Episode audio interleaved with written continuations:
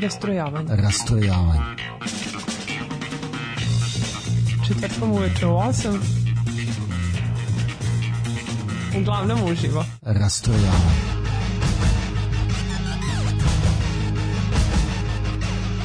U 8 sati. Rastrojavanje.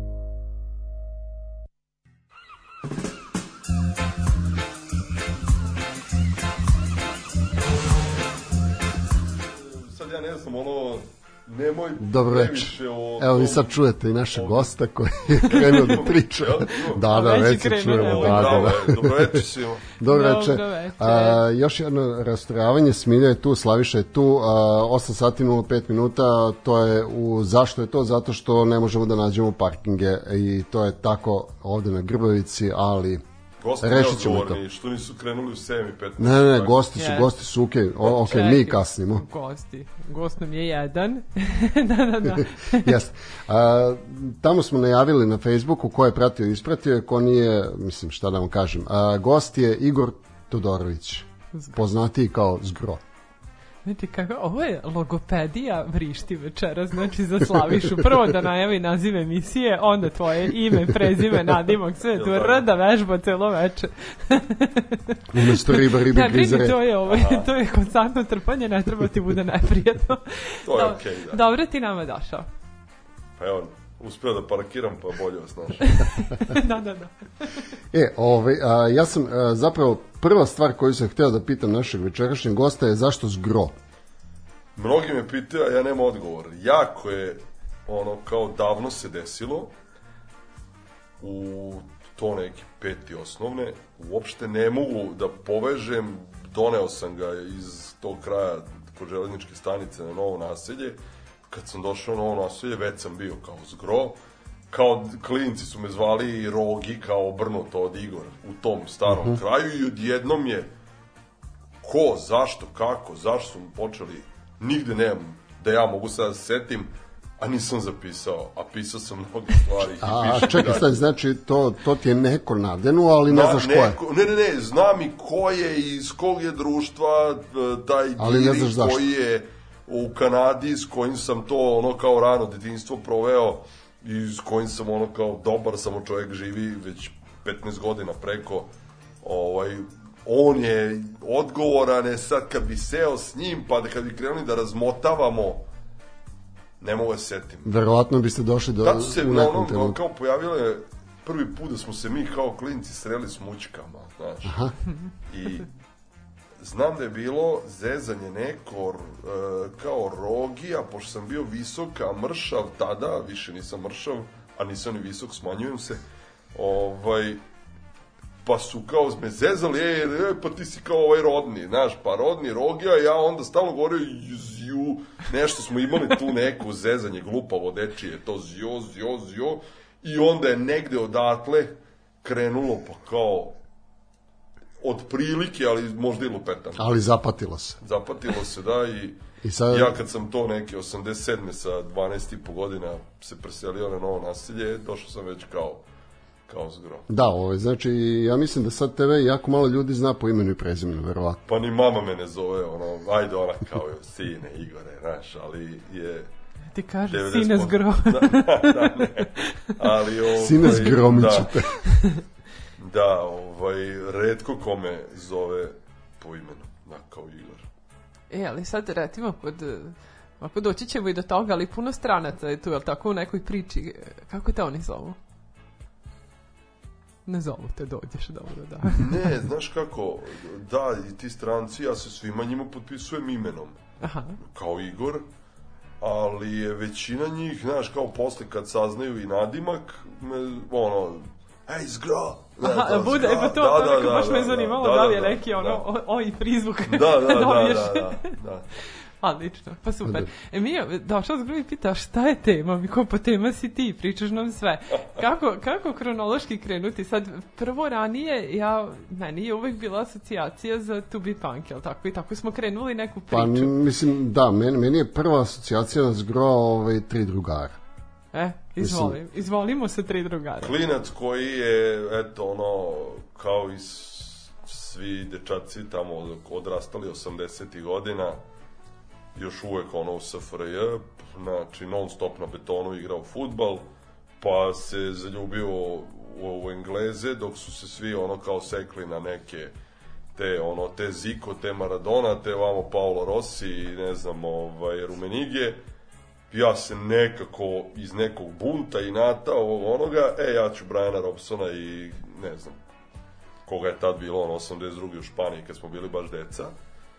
I onda nekako kao, ej, futbal, futbal, futbal i samo futbal i to je ono bilo da kao mama i tata te vide eventualno na ručku ako i to ne preskočimo a non stop smo bili na terenu mašinske škole i tamo ono kao šutirali loptu i ovaj i tako eto taj drugar koji je mislim odgovoran dobrim delom i za nadimak.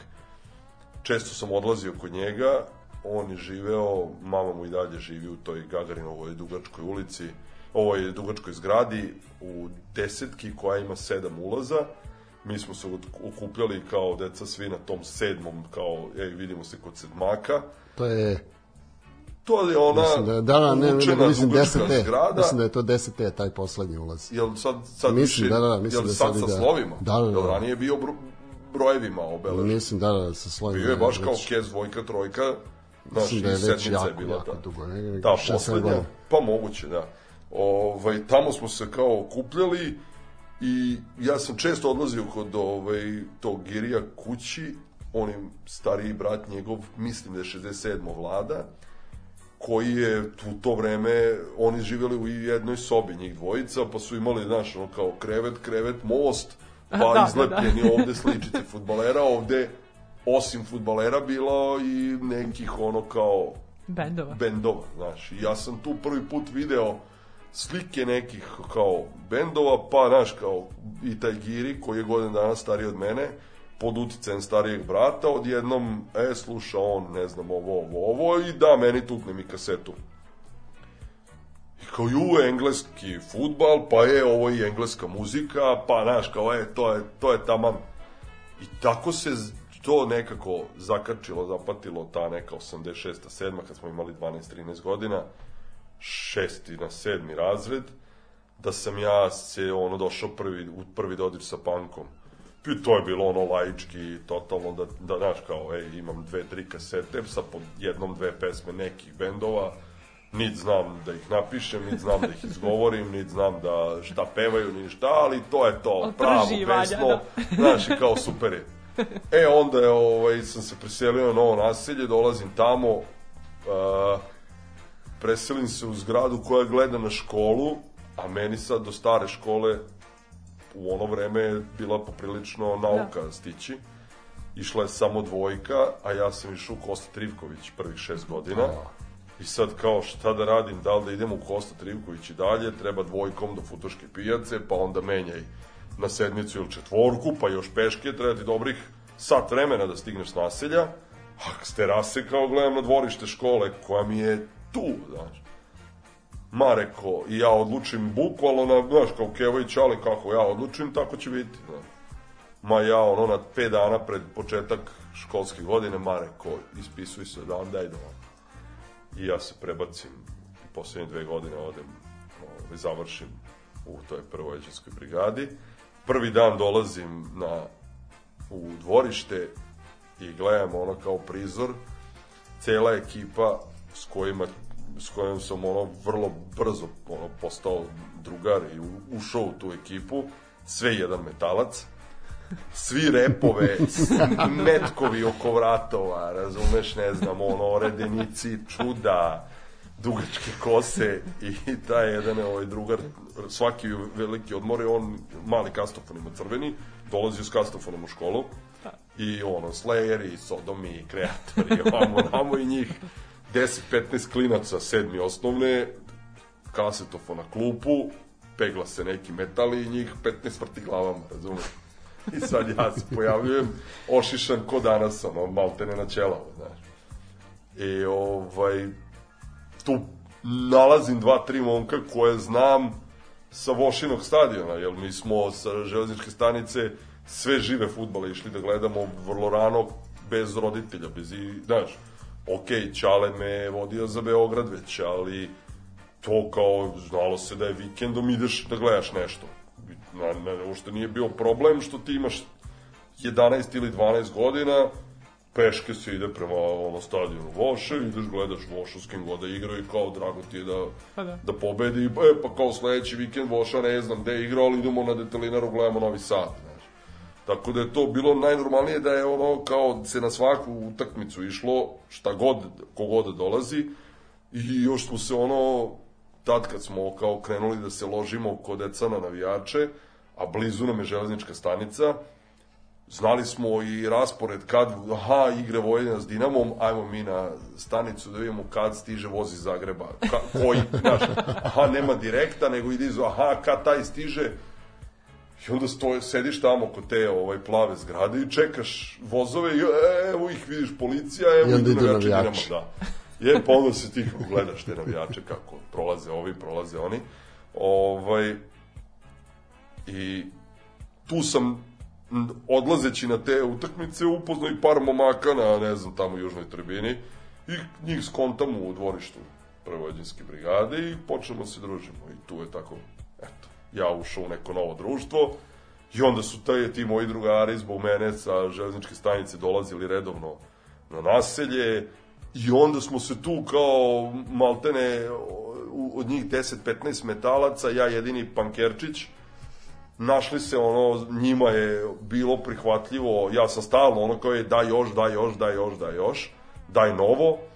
E, mnogo nekih novih kaseta koje sam dobijao su, eto, igrom slučaja, bile tada aktuelna američka, ono kao neka hardcore punk scena, i tu su bili bendovi od nekog Suicidal Tendencies-a preko DRI-a do Chrome X-a, Crumbsuckersa, ne znam, ovaj, gomila je bendova koji znatno drugačije zvuče od ono panka 70-ih, 76 7 ovaj, sve to žešće, brže i mnogo bliže nekom discharge-u GBH-u i kao, naš, ono ti klinac, pa da neke što agresivnije, super.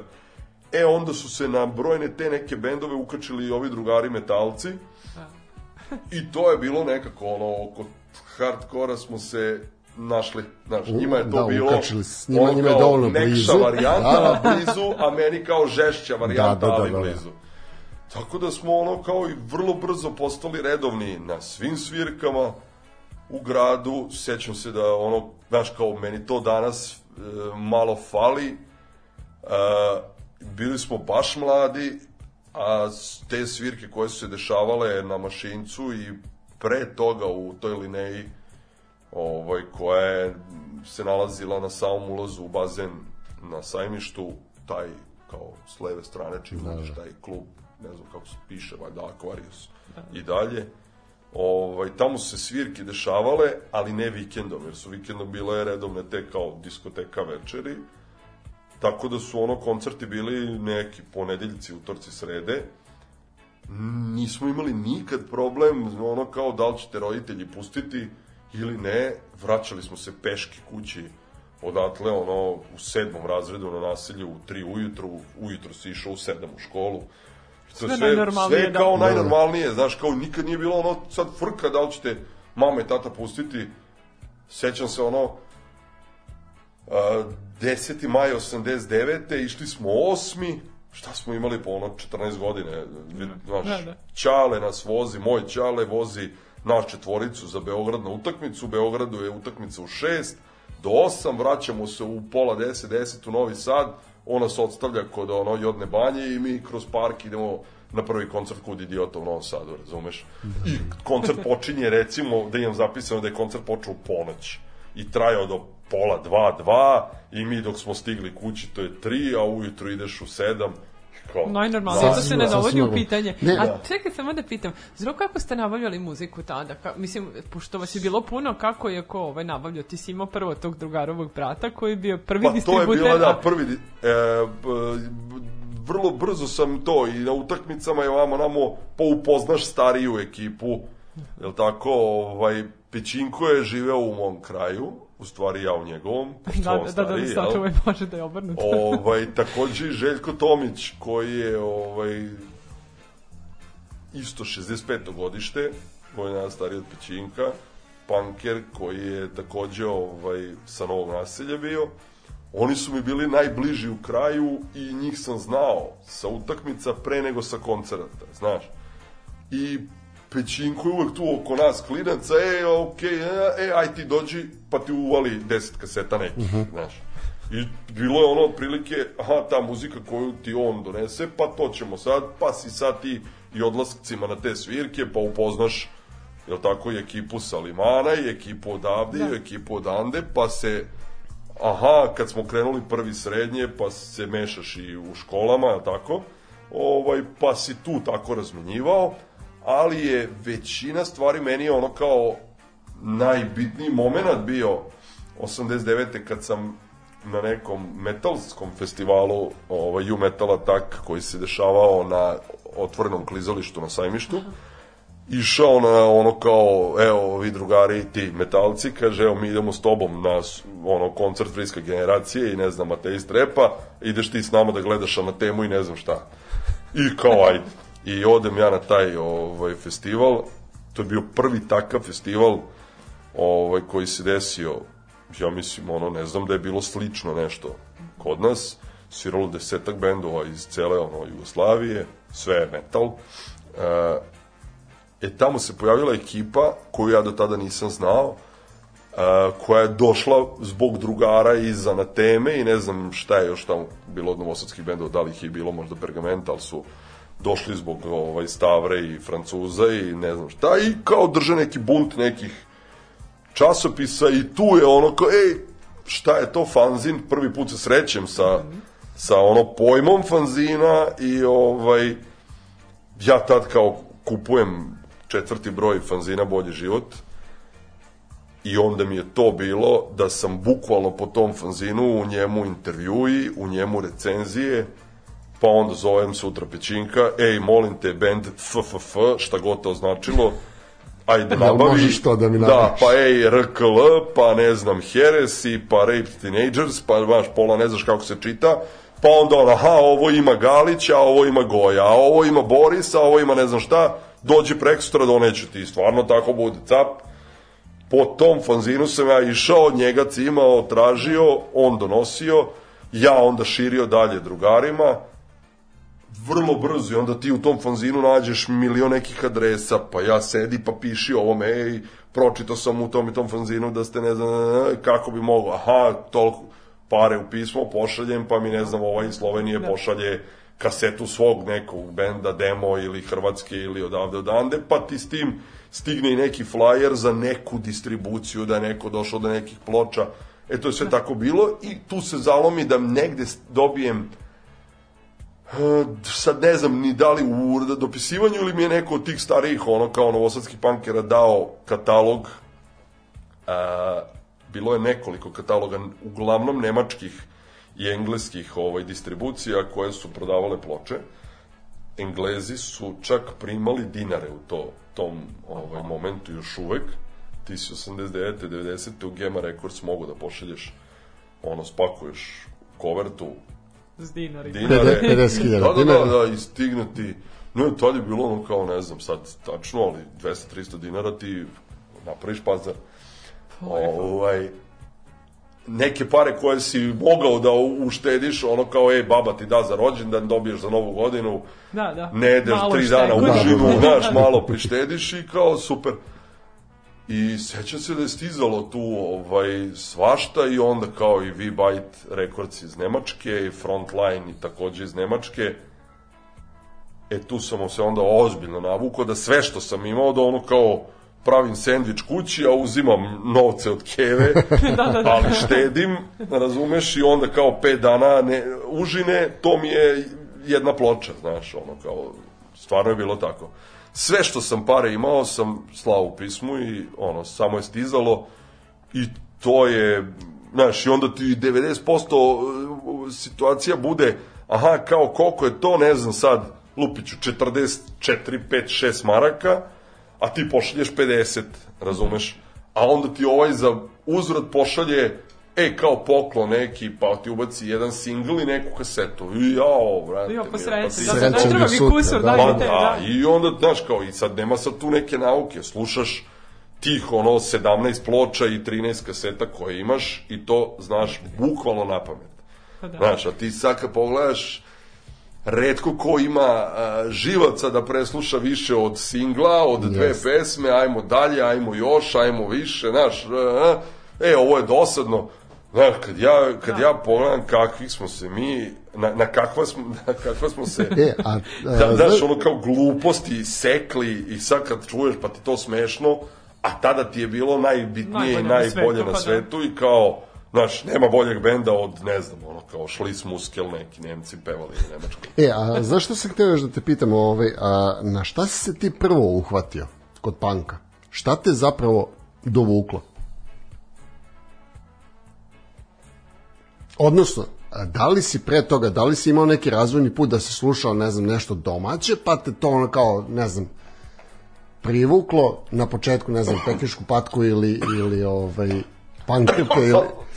Evo, evo, ja ću malo, ja ću malo da te spustim, ja ću malo da te spustim. Idemo na muziku, ajde. Kako ti-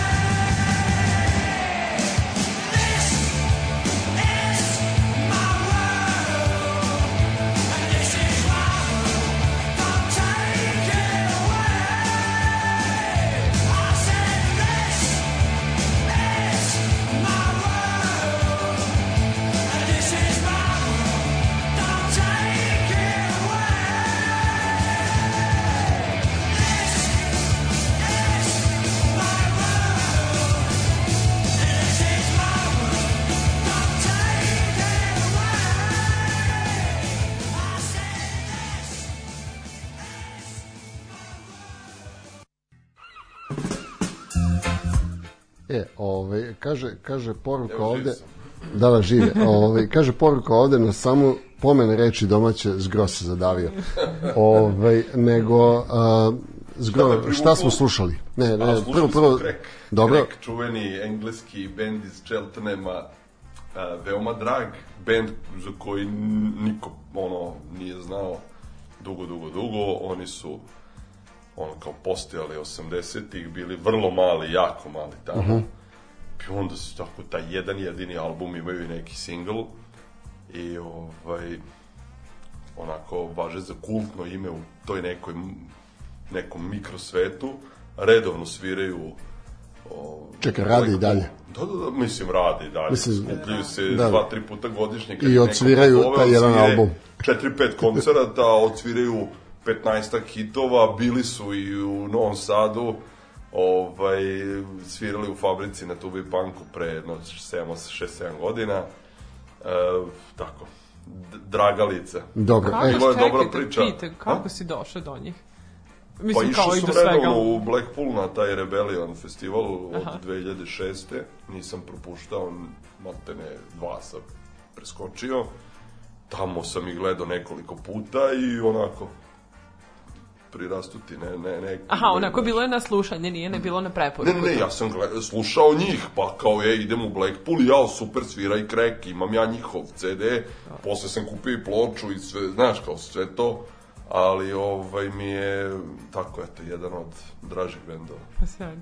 dobro, e, ovaj, hoćemo da se vratimo na kako punk, odakle? Pa eto, to ono kao futbal, eng, engleska, engleska, engleska, pa šta god se je desilo, a da ima veze s engleskom, engleskim futbalom, engleskim navijačima, pa znaš, kao, ej, ideš, e, kažem ti, ej, ovaj drugara Burazer, pa je on, aha, nosi britansku majicu, onu bez rukava koju je kupio na sajmu s britanskom zastavom. Sa Union Jackom. Pa sledeći, da, Union Jack, pa sledeći put nosi ne znam, exploited, u, šta je ovo, znaš, Šta je ko nešto piše Exploited? na engleskom, pa što je, u, super je ono, jem ovaj vrišti, jem, Da, da, da, da. naš, arena kosa kresta, uh, i onda to, kaseta, ovamo, nisam slušao muziku, pa sad kaže, kao klinac nešto, Keva i Ćale, znaš, kao dođu s posla, puste radio.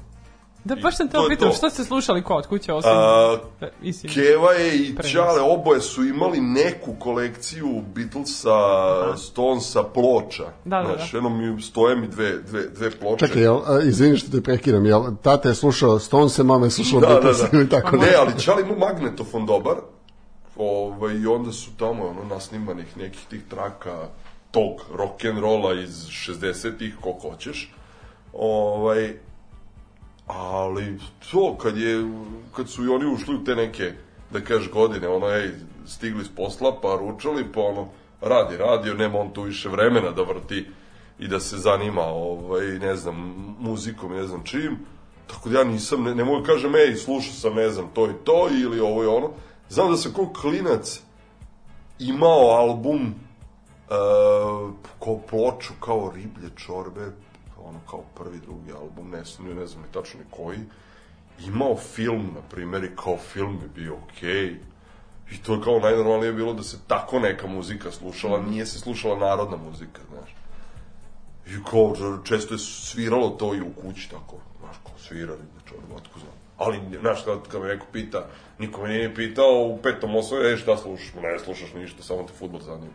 Da, da, da. Znači, stvarno, dok, dok, dok se nije desilo da, da sam se napalio na punk, a eto, to je, i onda kao GBH, pa kao šta znači GBH? Pošto je bila varijanta na sajmu da se kupi majica bez rukava GBH i sad idemo taj drugar Ali ti i je ja. glupo da nosiš da ne znaš šta je. Pa ne, ali on kupi GBH, ma ovo je pravi bend, da ću ti ja da čuješ ovo, ono sa on kupio to, kako ja sada kupim istu, glupavo je, non stop smo zajedno, znaš, on kod dva ono šarana, da idemo u istim majicama, da. I ja onda uzmem Union Jack ja, znaš, i onda smo nas dvojice bili ja u toj Britanci, a on u GBH, i kao šta znači GBH? Great British Hooligans. To je, nema drugo. Garant. I jao, super, znaš. I eto tako. To je to bilo, znaš. To je, neću slušam ono što su Keva i Ćale slušali, daj da bude kontra. Dobro, malo pobune. Znaš, a? Malo pobune. Da, a i uvek to neki buntovnički, taj kontra, kontra sveta, kontra Da, da, da. svih. E, aha, ovamo, ne znam, Znaš, kao, ej, super, kupovali mi onaj, bio je onaj uzani rok koji već 80, Da, 82, 82, 83, 82, 84, da. razumeš, pa po godinama je bio. Znaš, pa sad ti tu pročitaš nekih intervjua, pa kao šta ja, da ono kao John Lennon, ne, ne zani, mislim, Da, da, da. super je, ali nije mi to to, znaš, kao odlično. Čito nešto, a više čito tako nego što me je stvarno zanimalo, znaš, nego kao, ej, to kao treba. Ali eto, kad sam se dodirnuo sa punkom, tad sam prvi put kao krenuo se nešto interesujem i zanimam i taj GBH i automatski Discharge nekako došli u paketu da su to prva dva benda čije sam albume kao dobio jer sve do tada bilo 10, 15, 20 bendova od kojih sam imao po pesmu 2, 3.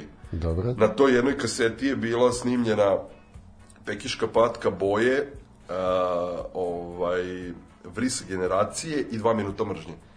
Kao sve novosadski bendovi koji imaju veze sa punkom i tu, ali i tu nije, su bili album, nije bio album patke, nego je bio single, ova bila Da. tako lijepa. Pa ne znam, Vris generacije bile dve, tri pesme, neki demo. Pa je, ne znam, dva minuta mržnje bila, bi, bi, bio demo, ovaj, one četiri pesme, tog drugog dema i boje su bile demo. I to je meni sve bilo jako dobro i onda kad sam kao, ej, Željko Pećinko, ej, svira vrisi generaciju, ajmo obavezno. I onda si tamo, onaj, kao prve redove skačeš. Na, pa svira, ne znam, ovaj, pa svira onaj. Ja se, na primjer, boje, nisam imao pojma, nikad ih nisam gledao, a znam taj prvi demo i taj prvi demo mi je bio fenomenalan, znaš. Kad sam ja kao prvi put otišao na koncert Boja, brate, mili, šta je ovo ne liči? drugo. Pa ne liči na ono, ma ed, ja se razoču, prvi ovo ženska disciplina kičme. Na, bukvalno.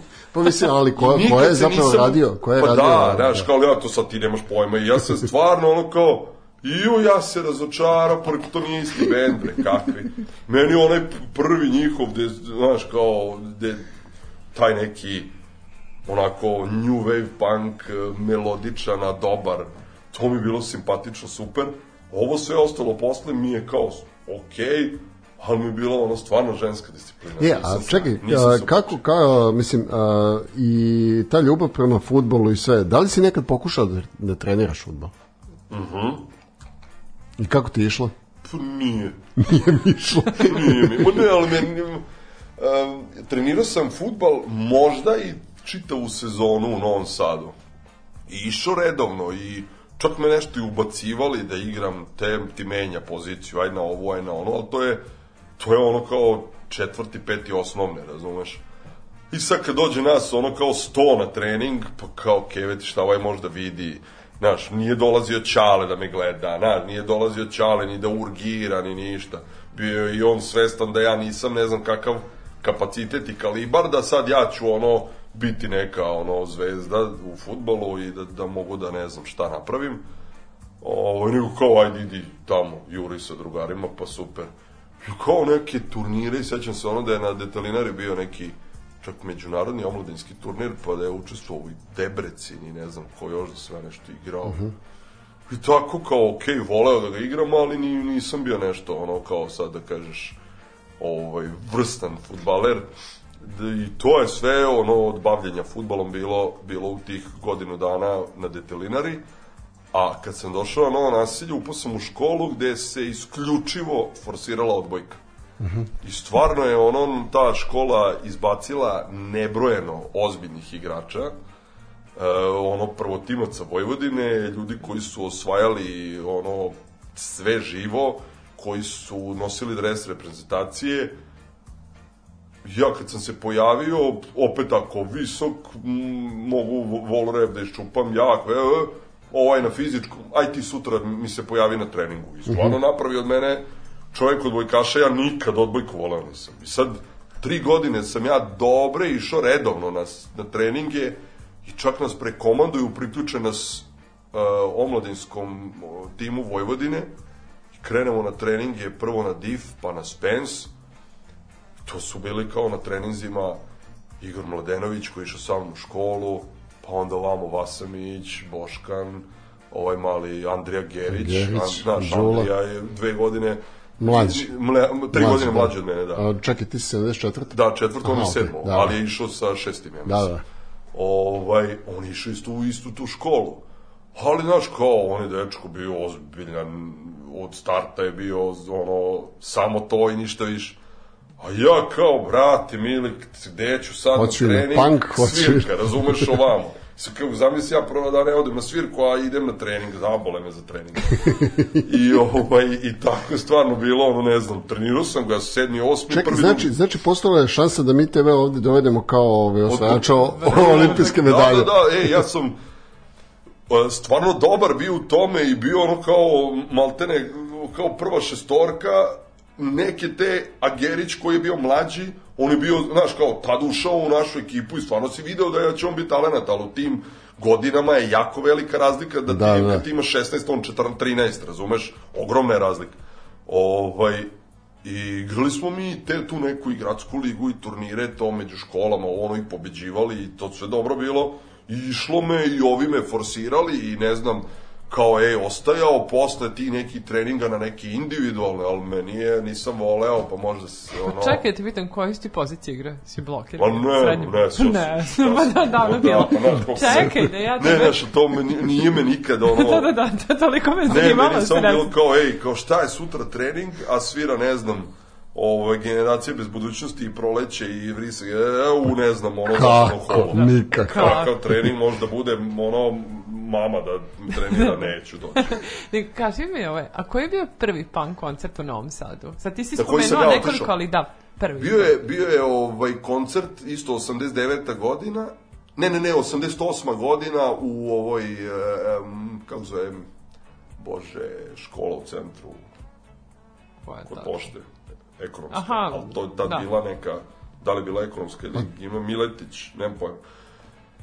Ovo, u tamo u toj sali svirali su vriske generacije, Kapetan Leši, a, Florel Tačkaš i Kabo. A, brate. I to ja sam išao zbog uh, vriske generacije i tad sam prvi put čuo i Kapetan Leši.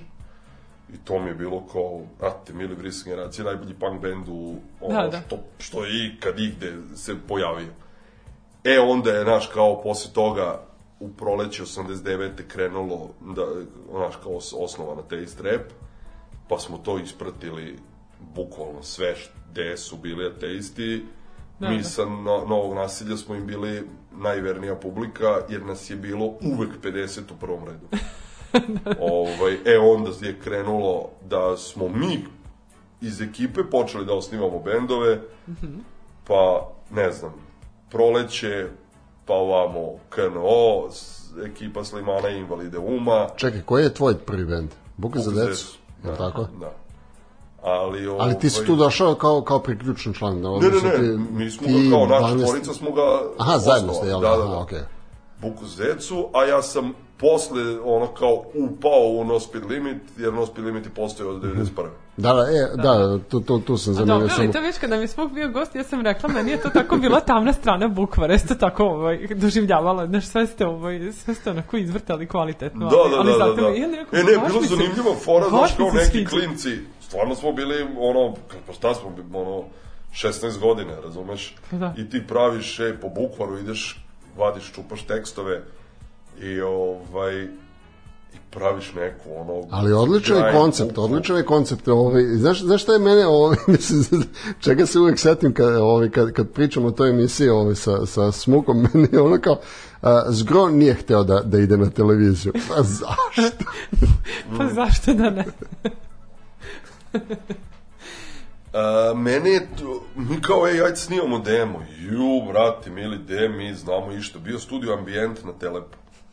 Tamo su snimali svi ti mali bendovi i bukvalno kao na traci. To je svakih sedam dana pojavljivo se neko, jer to je sad već srednja škola, prvi, drugi i srednje, te kogod je u ekipi koja ide na koncert ima neki bend, razumeš? Ovaj, I to je generacija od 76. do 73.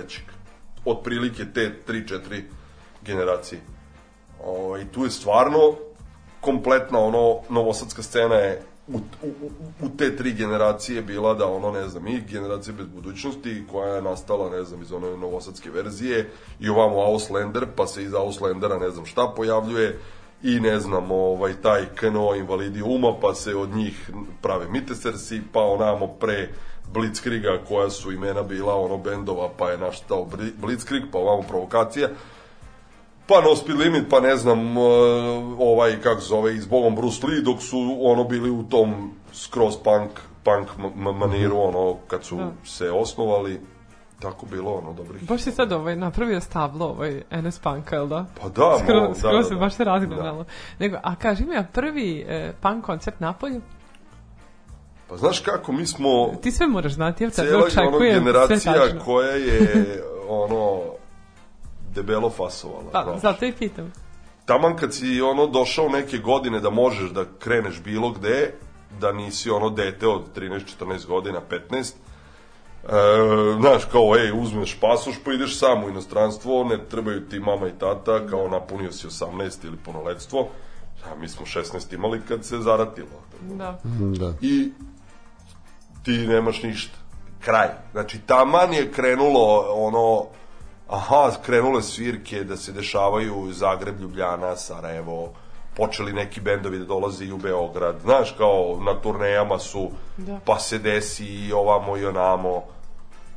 I kao, brate, mili, to je to i kraj. I sad dalje više nema.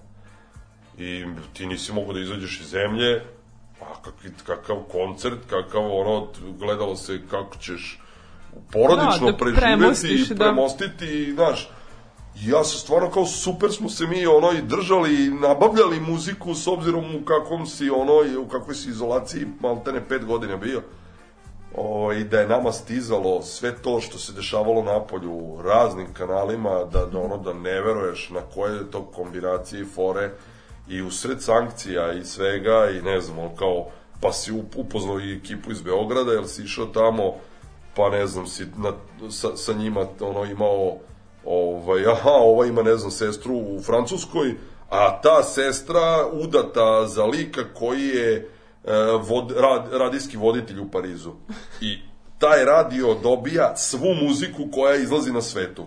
I ja pre nego što se pojavi informacija da će ne znam, RKL objaviti novi album, taj drugar u Beogradu ima promo kopiju tog albuma, mi u Novom Sadu već imamo snimljen taj ovaj Da, da. album, ja idem za Beograd na utakmicu, ali krećem zorom da bi pr- prvo bio kod ovog drugara, jer je njemu sestra po autobusu iz Pariza poslala Ja. 10 novih diskova, on nema pojma šta je na tim diskovima, nikad čuli nismo, nego preslušavamo jedno po jedno.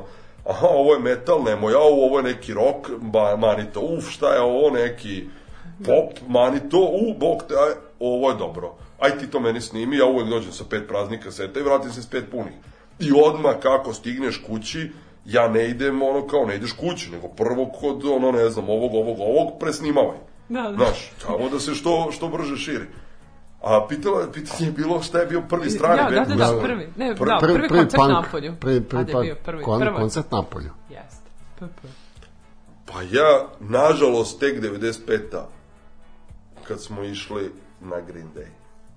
U Budimpeštu. A, jer ti je u Pešti bilo ono jedino što je moglo da se priđe nekom ono u Mm, da. inostranstvu, a da ne moraju neke vize ozbiljnije Jeste. i neka cimanja, a ovaj, tamo su počeli da se dešavaju koncerti ovaj, ne računajući one kao velike stadionske na koje su uveliko već išli ljudi kao organizovane ture na neke te ne znam sad Lupiću Metallica, ACDC, ovo ono Da, što da. me nije zanimalo nikad ali kao prvi neki taj je bio Green Day sa Riverdalesima, to je 95. godina bolje nisam promašio uh koji sam, ali to je već ono faza Duki albuma, Da, da. a mi smo imali Green Day ovde, slušali ga na prva dva singla. Razumeš, ono kao imali singlove i prva dva albuma i sećam se ono kao da je... Kojim je to kanalima stiglo, Da, da, da. Znaš, ali kao i to je sve bilo e, kako si nabavljao muziku. Katalog koji ti stigne iz Nemačke ili engleski ili odakle već e, je i sad ono kao po abecednom redu poslagano milion nekih imena. I sad ti gledaš one tri rečenice opis tog albuma. Da, da, da. Ti si toliko verovo tim ljudima koji to pišu. I kad ti napiše, ne znam, gitarista toga benda i gitarista ovog benda su se udružili pa napravili mix ta dva, a ne znam, sve zvuči malo posoljeno sa ovim trećim. Brate, Ti odmah da? kupuješ, je nema, to, je da. to. X puta si se izeznuo, razumeš, x puta to nije bilo baš to, očekivao si ne znam šta, malo bolje, malo više ili ne znam. Ali je, e, tako si na Kako bi blef. otkrivali novu muziku, mislim, Pa, kad da, bi da. bili samo slušali onako ono Da, što da, da. ovaj, Znaš, kao koliko, kad samo seti koliko je, znači sve pare koje sam na bilo koji način dobijao ili uspeo, ne, ne, ne znam kako, i da zaradim, sve je odlazilo tako. E, I inače- nikada nije, ni u to vreme sankcija, da, da, da je ono kao negde kiksnulo da nije stigla pošiljka. Nikad se nije desilo. E, to je fascinantno. I da. samo, samo još jednu stvar, ovaj, pa, da, pa da odemo na pauzu. Ovaj, još jedna prva stvar. Koji je prvi album koji si kupio od svojih para? Od svojih? Pa znaš, ja sam otišao u Selenu pa kupovao i kud idiote. Ne, mislim, ne, neću da kažem svojih, ne ono kao da si zaradio, nego ono Da. što si odvajao sa strane. Da li se sećaš koji je prvi album koji si namenski hoću ovo? LP, LP koji sam kupio je bio RKL Rock and Roll Nightmare. Aha. To je ono kao kalifornijski hardcore punk band. Taj album je ono meni kao i dalje kultni. Uh, imam tu ploču i dalje, unutra je taj lyric sheet bio svaka pesma je bio ono kao iz, od, u stripu urađena. Aha.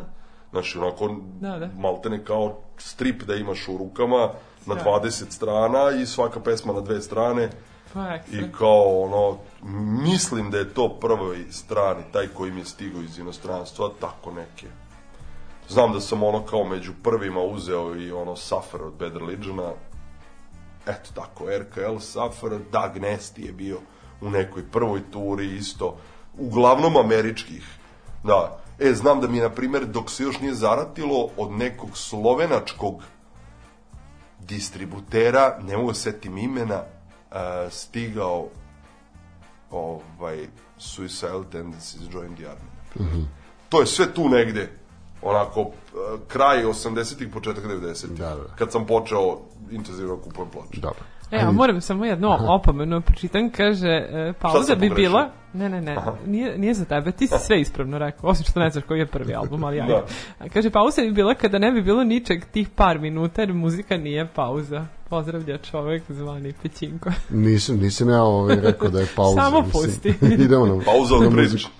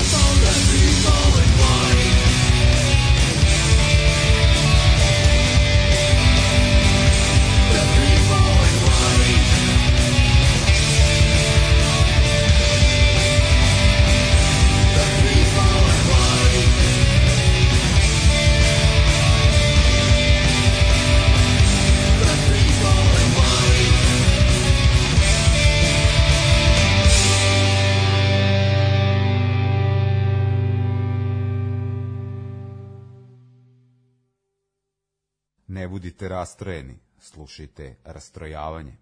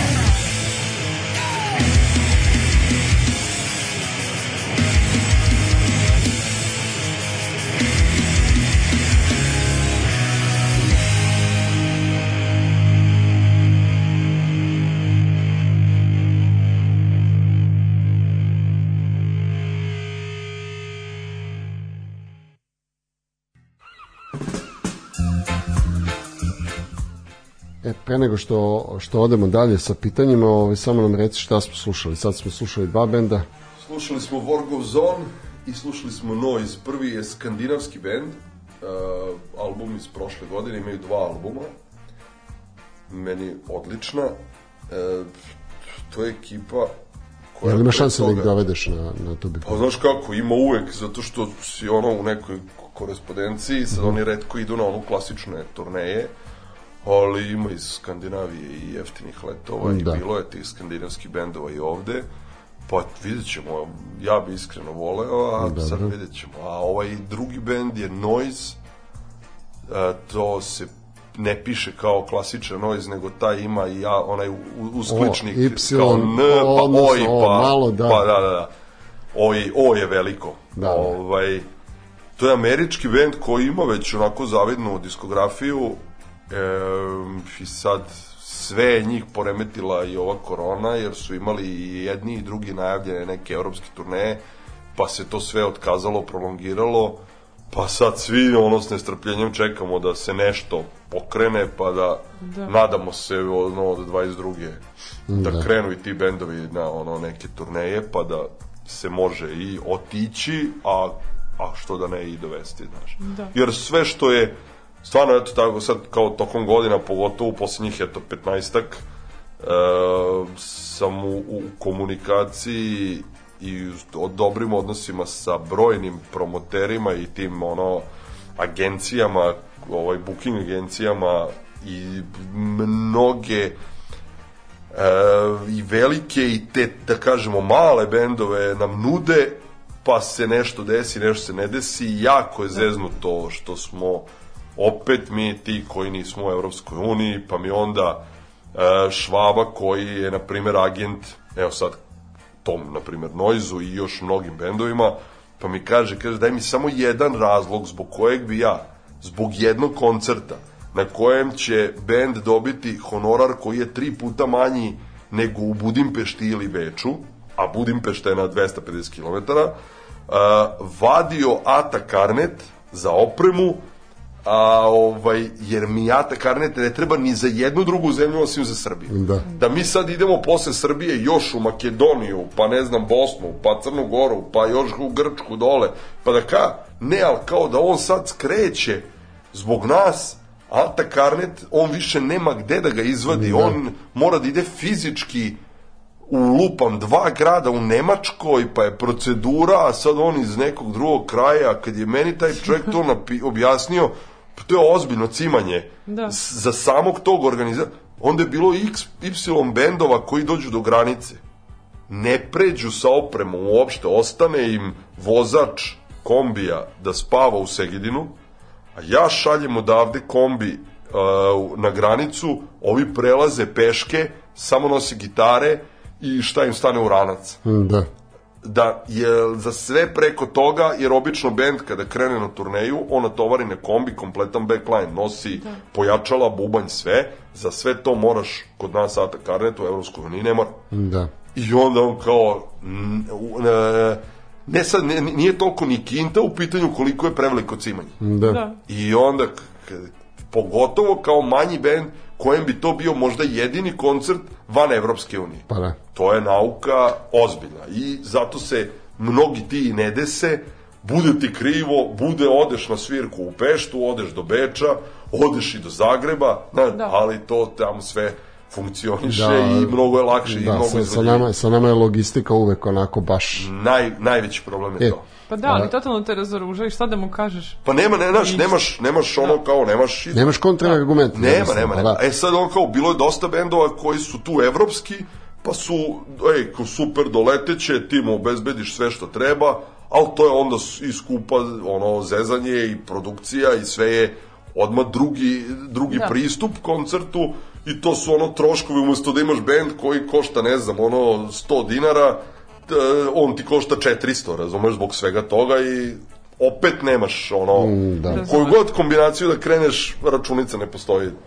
E, bro, a kad je, izvini samo, kad je krenula e, ideja za, za To Be Punk? Čekaj, stani, doći ćemo do tu bi Pa punk. Izvini, šta si, pa ja sam tela da bi, ajde, Pa, uleti. mislim, ali a, imamo još ono, mislim, idemo, idemo hronološki, čekaj. Pa izvini, ovde da, hronika. tri, Punk je tek novi vek. da, to je, imamo, imamo, imamo tri drugara. tri drugara je jako davno. Da, Iz ove perspektive je jako davno. To je polovina 90-ih. A, nisam direktno pokretač, osnivač. Ali si Ta tri momka koji su krenuli tri drugara, to su Šima, Keca i Kara. Šima koji je imao bend koji se zvao Triton gospodar mora, bilo zezanje, imali su nekoliko koncerata, Dime je bio u tom bendu Čvarkov, ovaj, koga ne znam kao Dime. E, to je bila ta neka limanska ekipa i onako poprilično zezanje iz vremena Rokoteke. E, ali ništa ozbiljnije. Keca je imao, bio bubnjar nekoliko ozbiljnih novosadskih bendova i Kara koji je i danas, Keca živi u Sloveniji već dugo, i Kara koji je i danas ono, aktivan sa bas gitarom krenuo je od Chronic Infectiona, pa da, ono sad, kad bi krenuo da nabrajam sve bendove u kojima je svirao, promašio bi bar pet. danas je Danas ovaj, u trenutno tim svira u- Delimanosima. Tako da su njih trojica, ta tri drugara, a ja sam od prvog broja, oni su mene, sad ne znam ni ko tačno od njih, dolazili su mi redovno u kuću, pošto su se družili s mojom mlađom sestrom. Ona je 78, ovi su svi 76. Da. Ona je s njima ovaj, bila u društvu i ja sam se sa njima tako i upoznao. Su dolazili kod mene, pa presnimavali muziku, znaš, pa... Ti si ta, već u to vreme imao ne, neku zavidnu kolekciju, pa su Ja dolazili boga mi, jel? pune dve fioke kaseta i ozbiljno onako policu s pločama, to je ta da, neka 92. treća.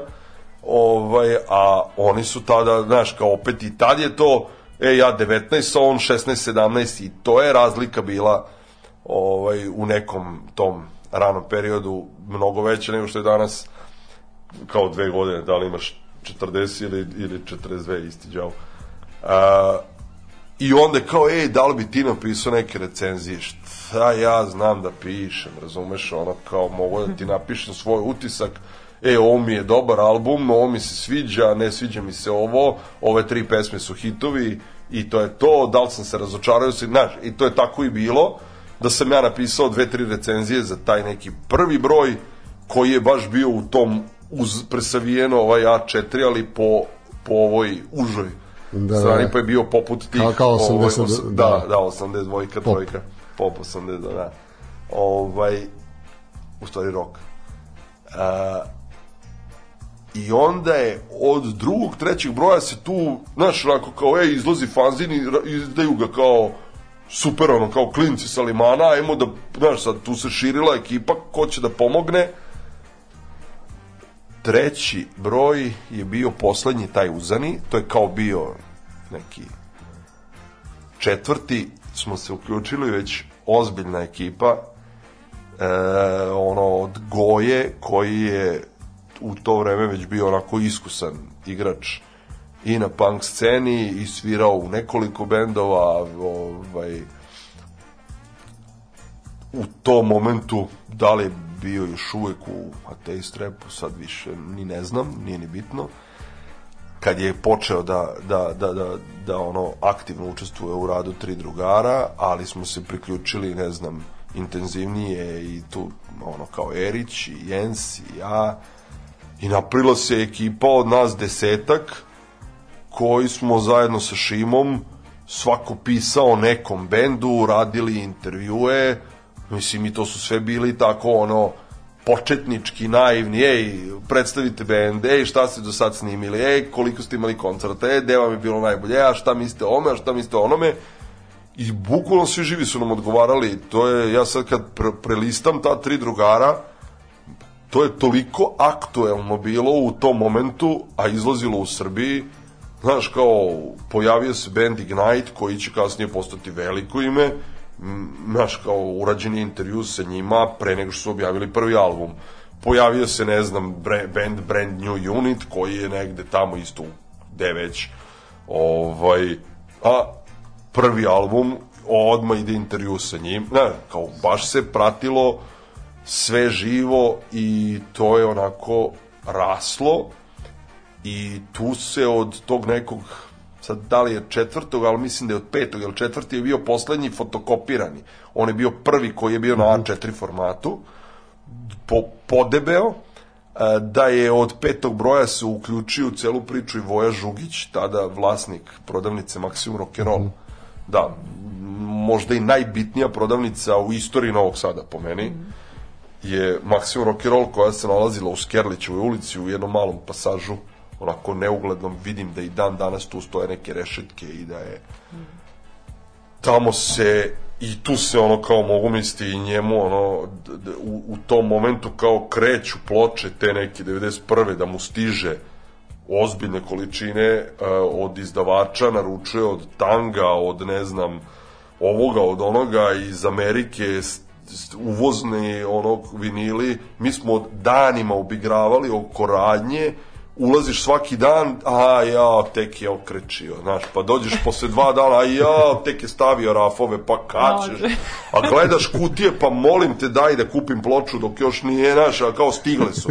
A sad šta je u tim kutijama, pa ti on da spisak, pa ti sad kući ideš, pa tri dana ne možeš da spavaš, kao šta, kako da skupim sa spiska od 30 naslova koje on ima, ja bi kupio 23, razumeš, a za 7 nisam čuo, pa možda bi kupio i tih 7. Da, da. Koliko mi treba para, jo, pa koliko će to biti, pa bit će 20 maraka ploča, pa kao uj, evente, Koliko dakle mi 600 sendvičima, maraka, nemam 600 maraka, znaš kao, pa idi odmah kod babe, jao, baba otvara se radnja, pa baba počasti s 50 maraka, Da, ono, da, pa da. znaš, pa dođe ujak odande, pa do, jao, super, pa ja skupio nekih 150 maraka, Pa pa svaki dan, i sad problem, ja sećam kad se otvarala ono kao prodavnica, ja u školi, kao otvara se taj dan, kako crna škola, bre, ne, ne idem u školu, čekam ispred da se otvori, ja sam kupio, mislim, sve što sam imao, sve što sam poneo sam potrošio, kupio na blef, to je ono, na sedam se otimalo, oko, strašno.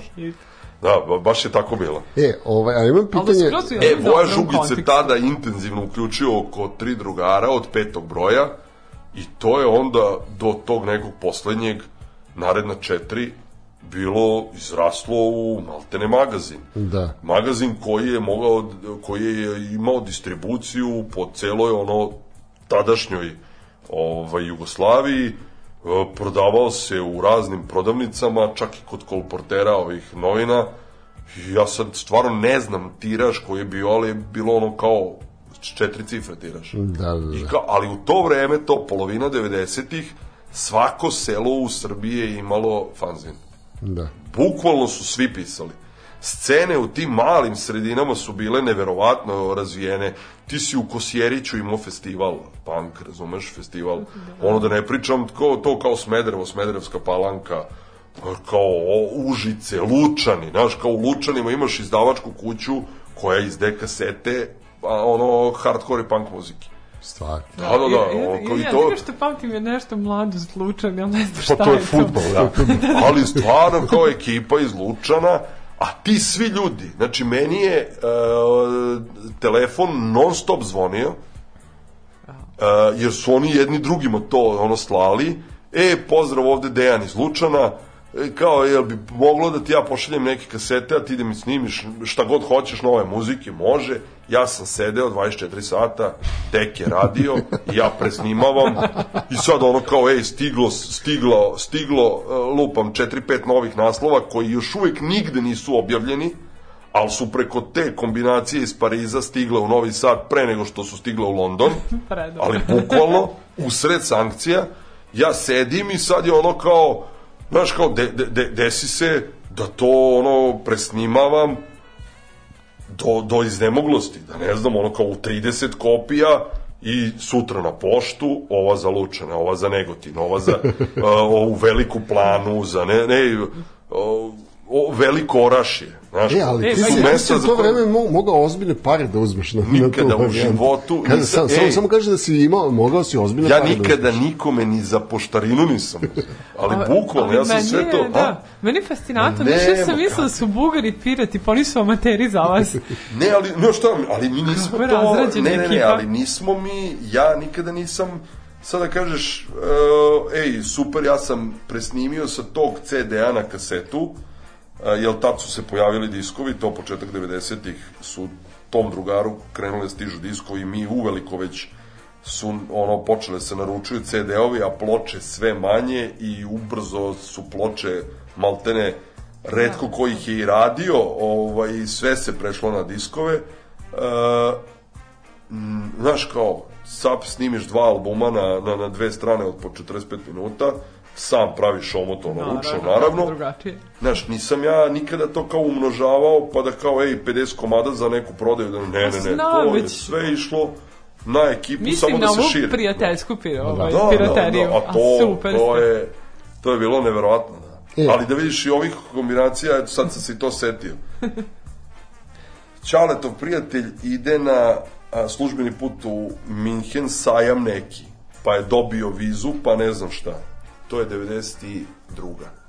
On je tamo i ja mu dajem adresu, ne znam čoveka, nego Ćaletu, molim te, taj, taj, adresa ta, t- ta tri naslova, to košta 100 maraka, 3 CD-a, svaki po 930.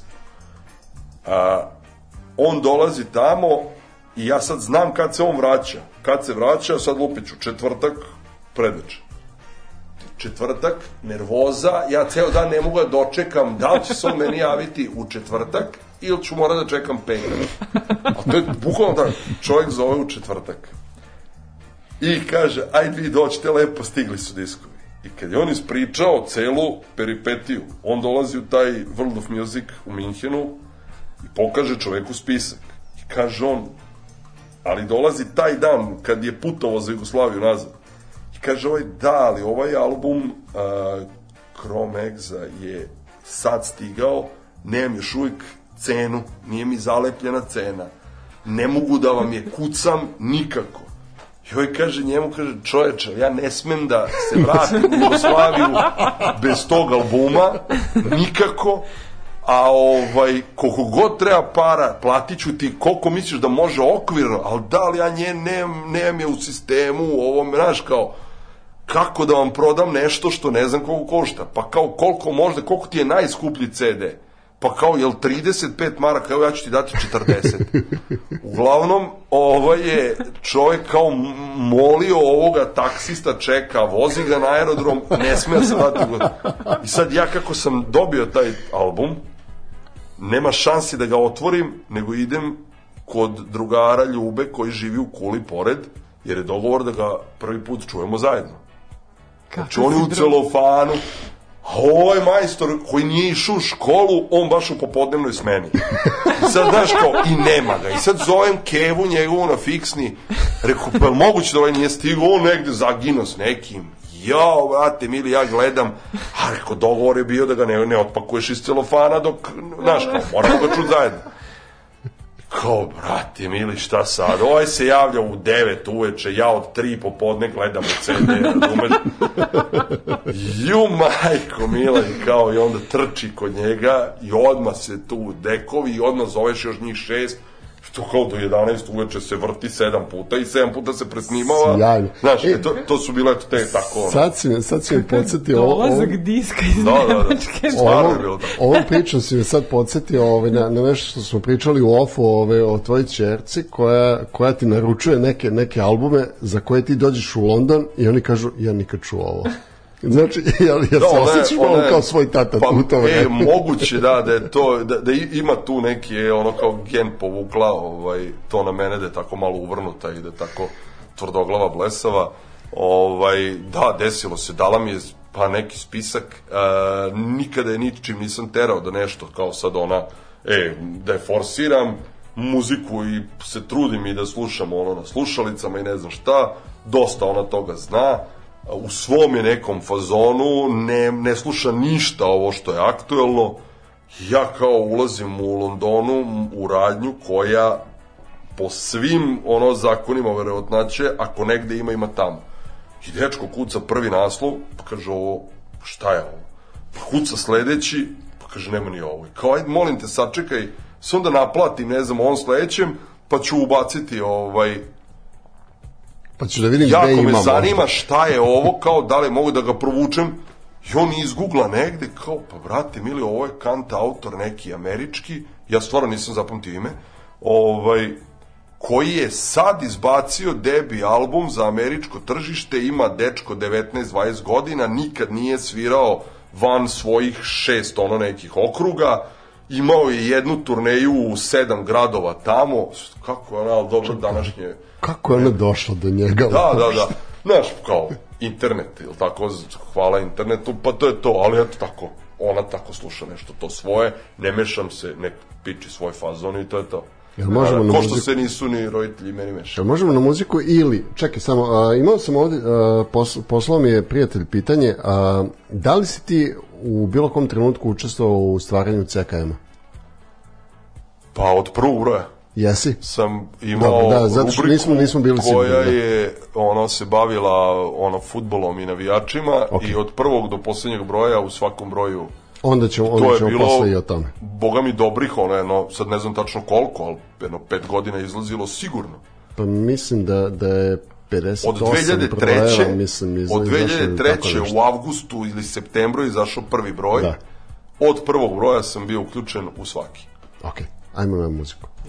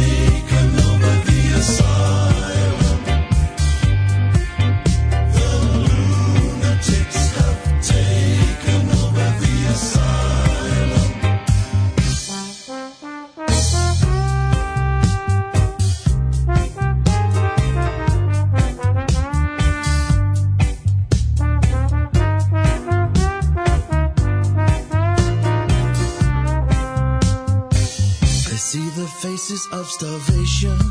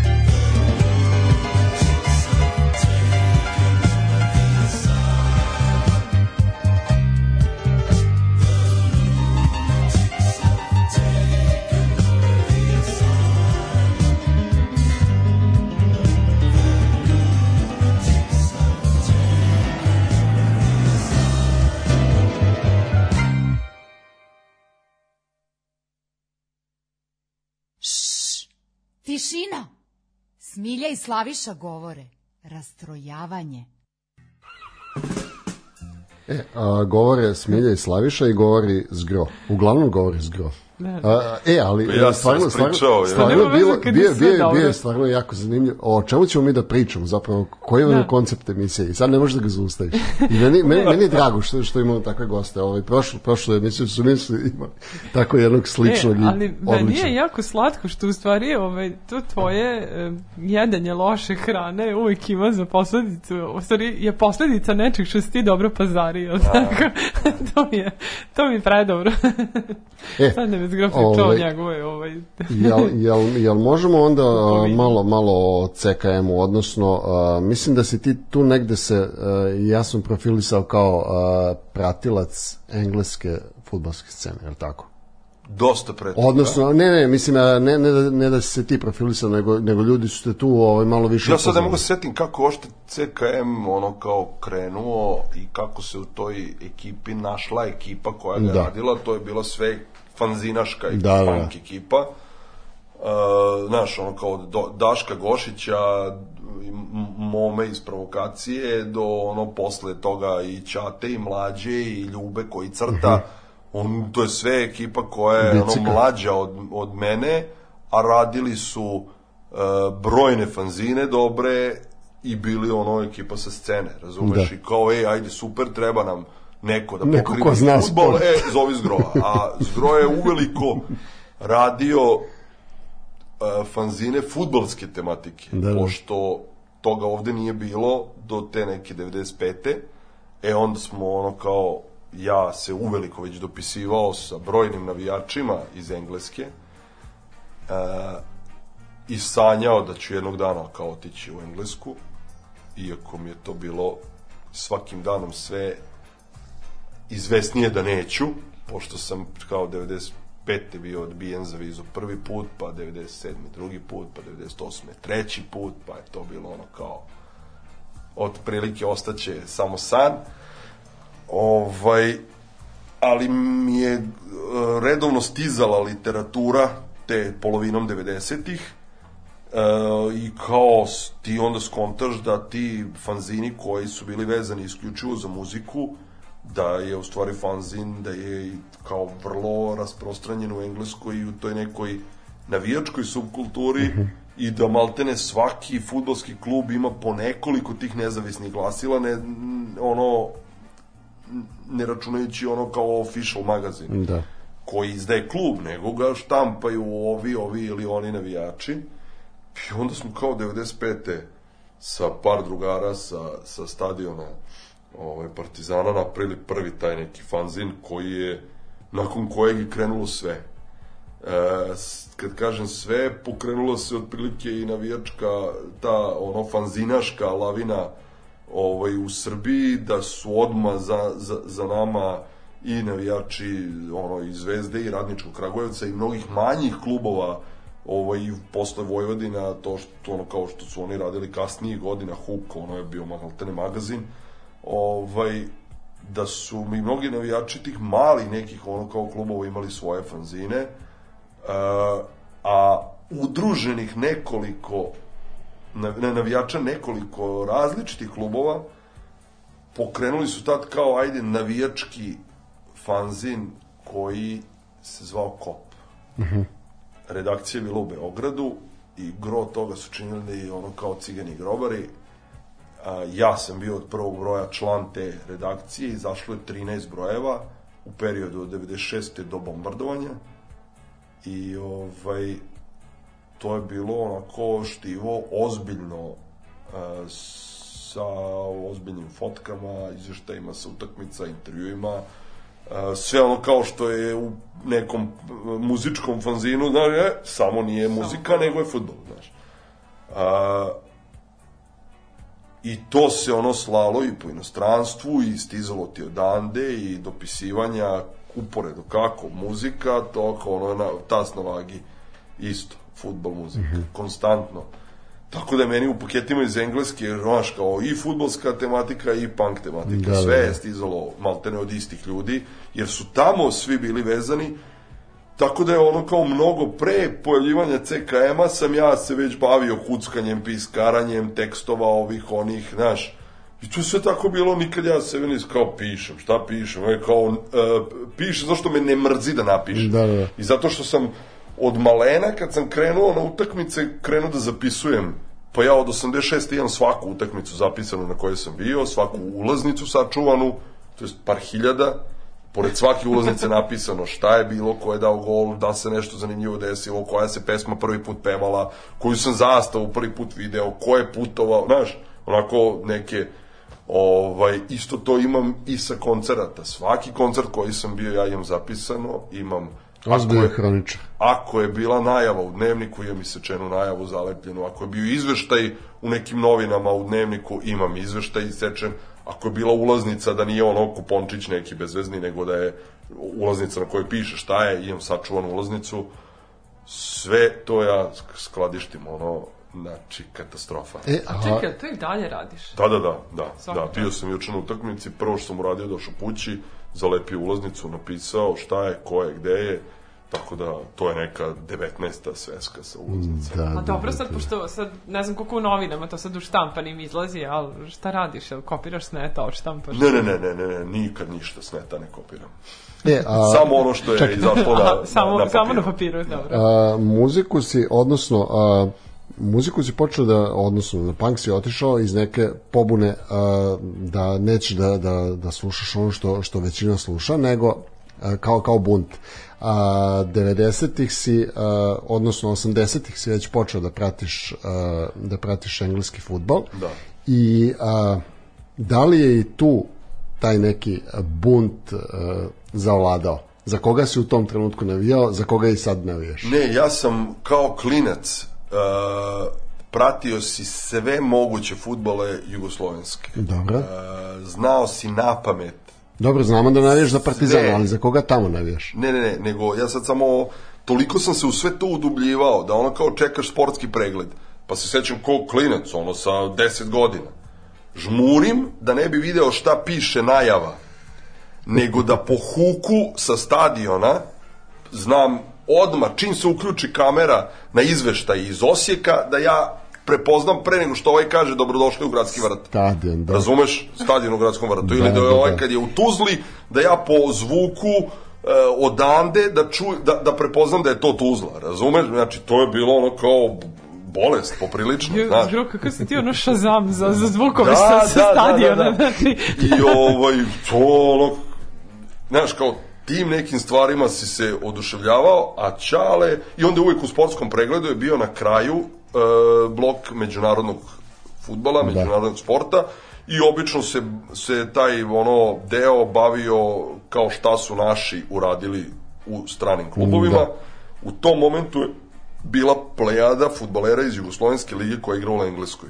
Namestilo se da je rane te 80 da čak ja ono kao nisam ni upamtio njih dok su igrali u, u, u našim klubovima, nego sam prvi put čuo za ta neka imena kad su igrali za strane ekipe, to je ta neka 81. druga, treća, znači tu sam stvarno ono klinac koji te krenuo u osnovnu školu i kao znam da Ćale čeka da vidiš izveštaj iz engleske lige, da bi čuo kako je branio Borota za Chelsea, kako su igrali Antić i Golac, ovaj u Southamptonu, ovaj u ove, kako zove, Lutonu, Znaš, onda tu igrao Pižon iz Zvezde u Arsenalu, igrao, ne znam, Dražin Jerković iz Hajduka, igrao ono, Mužinić, ovi, oni, ovi neki u Noriću, bio i ono kao iz budućnosti lik koji je igrao u Sheffield Wednesday, znaš, kao desetak futbalera, ozbiljnih futbalera jugoslovenskog futbala su u tom nekom periodu od 79. do 82. treće igrali u engleskoj ligi.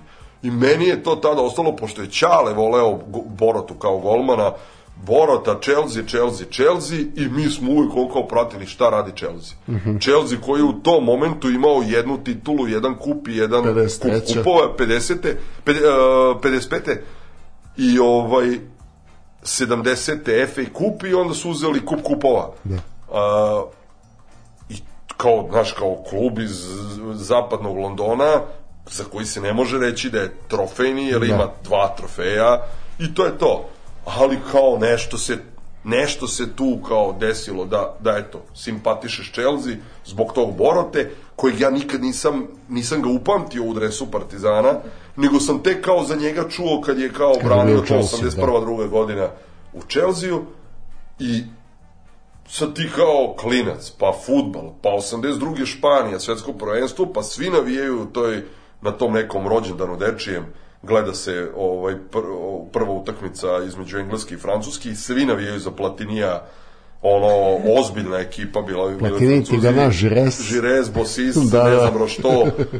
Ovaj, ja onda, e, rekao, ja ću za Engleze. Baš namerno, što svi vi i Englezi dobiju 3-1 i ja tu vrištim, cičim, pa ono klinci, znaš, ti ne znaš ništa, pa kao album sa sličicama, pa, pa po tome, znaš, kao, aha, Robson, pa ne znaš pola imena kako se čita, kako se izgovara, pa iz tog albuma saznaješ za imena klubova, razumeš? A, pa ima, je- dobro, znao si za Liverpool, Manchester i Arsenal tada, znao si, eto, zbog Borote Za za Chelsea. Chelsea, za, zbog tog nekog Antića i golca za, Za. Southampton i za Luton. Eto, za te neke, znaš, ko Everton sam... Dobro, ali znao si, znao si za, za recimo za Nottingham Forest, bio je prvak Nottingham Forest, da, da, da, tad je bio ozbiljno Da, veliki da, da. klub, znaš.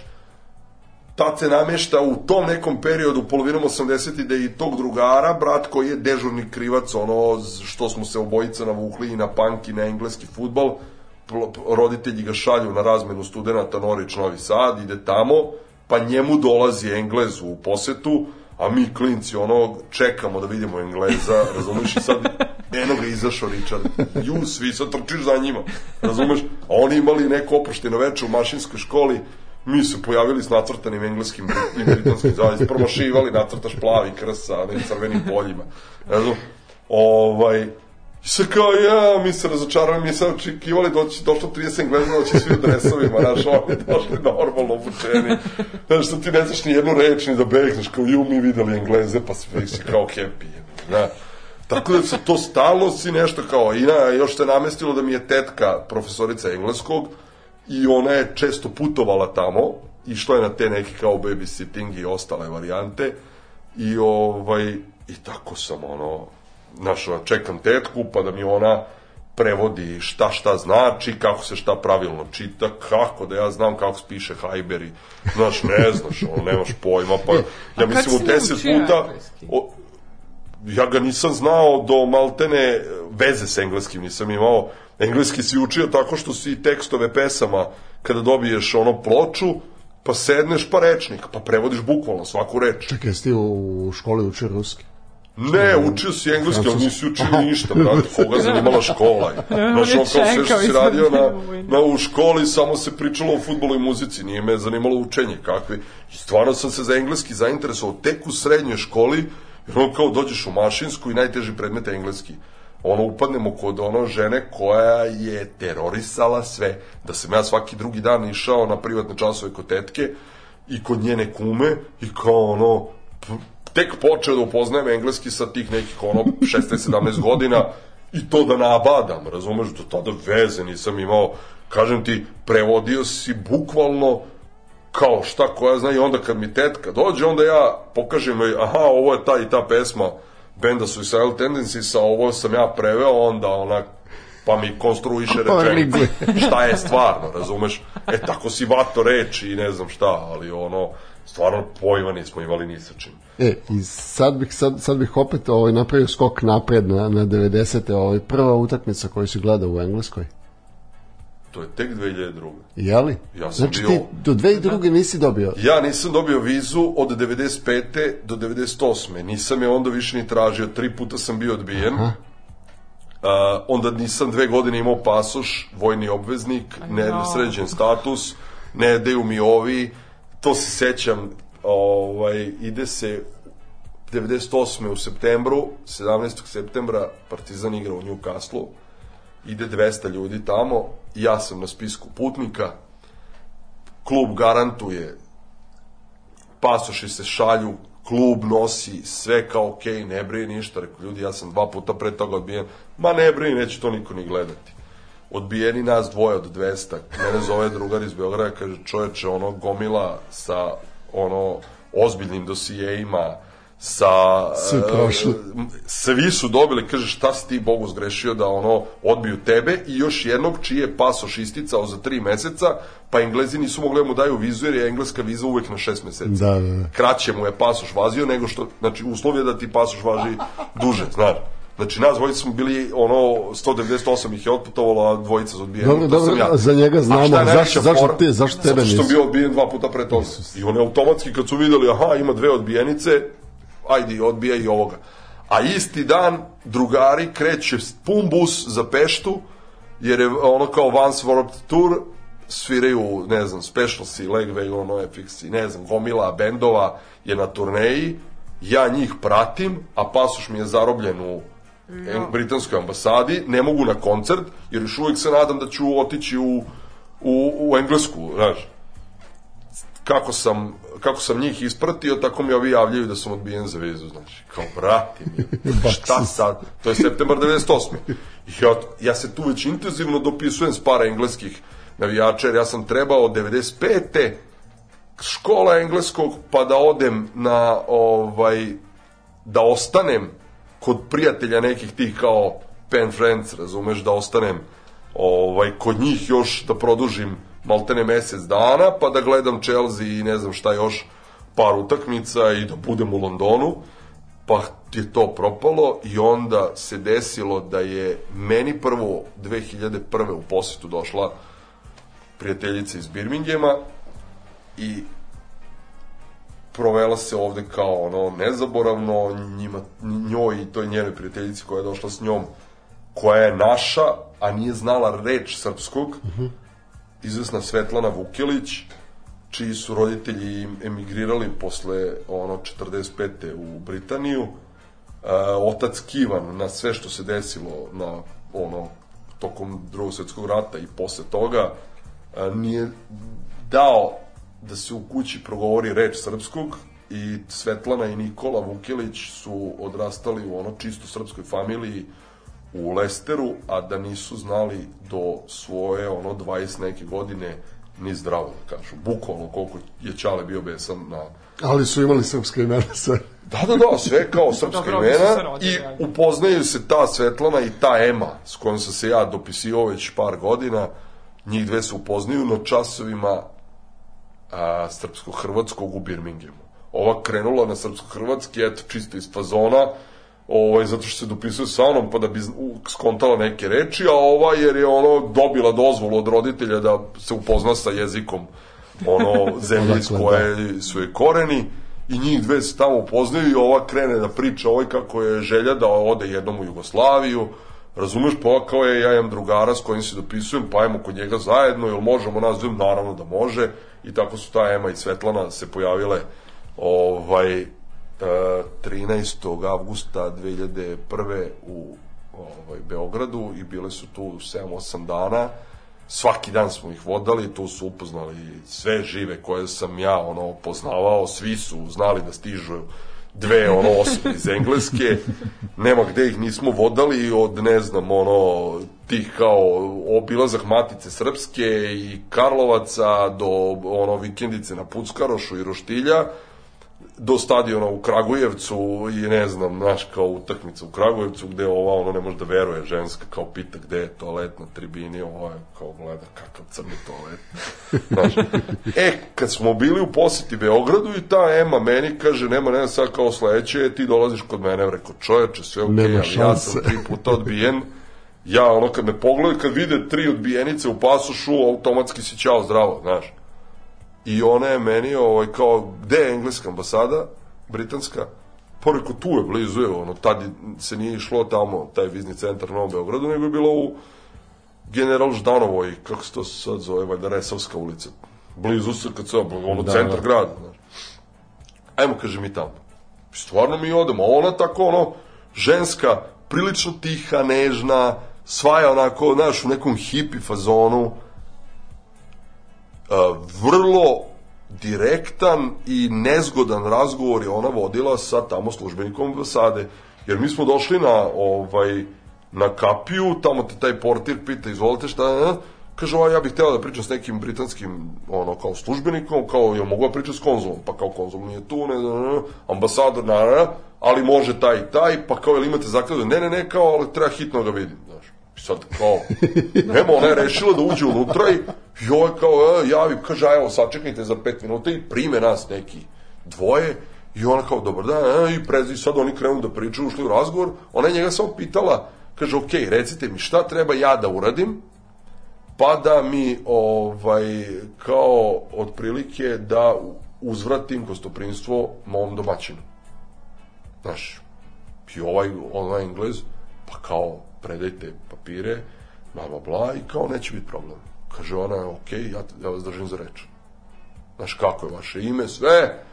I ona se u pozivnom pismu, to je bio avgust, ja sam umeđu vremenu se dopisivo sa još nekoliko njih, upoznao još nekoliko njih, i onda se desilo da su oni između sebe napravili plan gde ja dolazim, kod koga idem, šta ću Koliko da radim, dana, koliko gde? dana, Da, da, kako, da, da. šta. Ok, 26. mart 2002. do ne znam kog aprila, tamo polovine aprila, to je bilo 20 nešto dana, sedam dana ovde, sedam dana tamo, sedam dana vamo, oni napravili kompletno, to je na pet strana bilo pozivno pismo, svaki dan, ono turistička agencija ne može da napravi tako detaljan plan i program putovanja, to se bukvalno u sate, prepodnevno obilazak tog, tog i tog stadiona, popodnevno odlazak u taj taj grad. Pa ne znam, sutradan shopping po prodavnicama na Kamdenu, ovim, ovim, ovim, ovim, muzičkim tim, tim i tim, a ne znam, popodnevni sati, odlazak na utakmicu, to je sve u onom bukvalno minut. Ona je to poslala direktno i na ambasadu i na mene i ja kad sam otišao tamo, predao papire i kao ništa, javit ću ti za dve nedelje, sad kao, ja, ono kao, znaš kad se uopšte nisam, ne nešto, ni, ma kao, li biti, neće biti, kao, bilo mi već, tri puta sam odbijen, možeš misliti i četvrti put.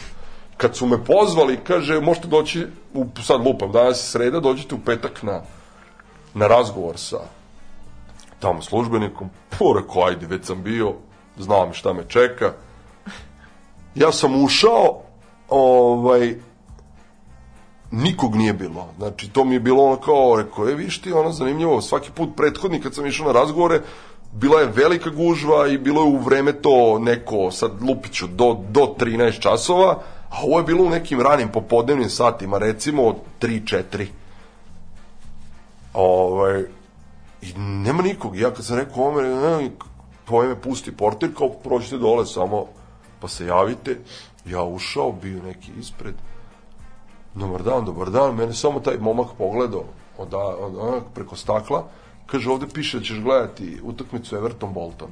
Pa rekao, ako odem, trebalo bi, znaš.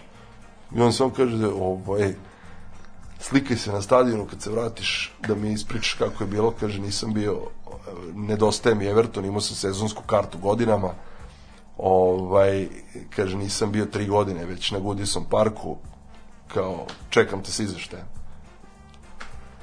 i Ne. daje mi pasoš, ja u tom momentu samo što nisam ono, š- znaš, kao ne kontam da je već viza bila u tom pasošu, znaš, nije on tu ništa odlučivao, nego samo ono kao, i ju kao, kak, znaš, ja sam pola sata šok, ne smijem da pogledam u pasoš, pa kad sam skontao vizu, pa, pa plači od sreće, pa grli ovog Željka koji je tu sa mnom, pa, znaš, sad kao, čoveče, idem, kao, to je to, kraj.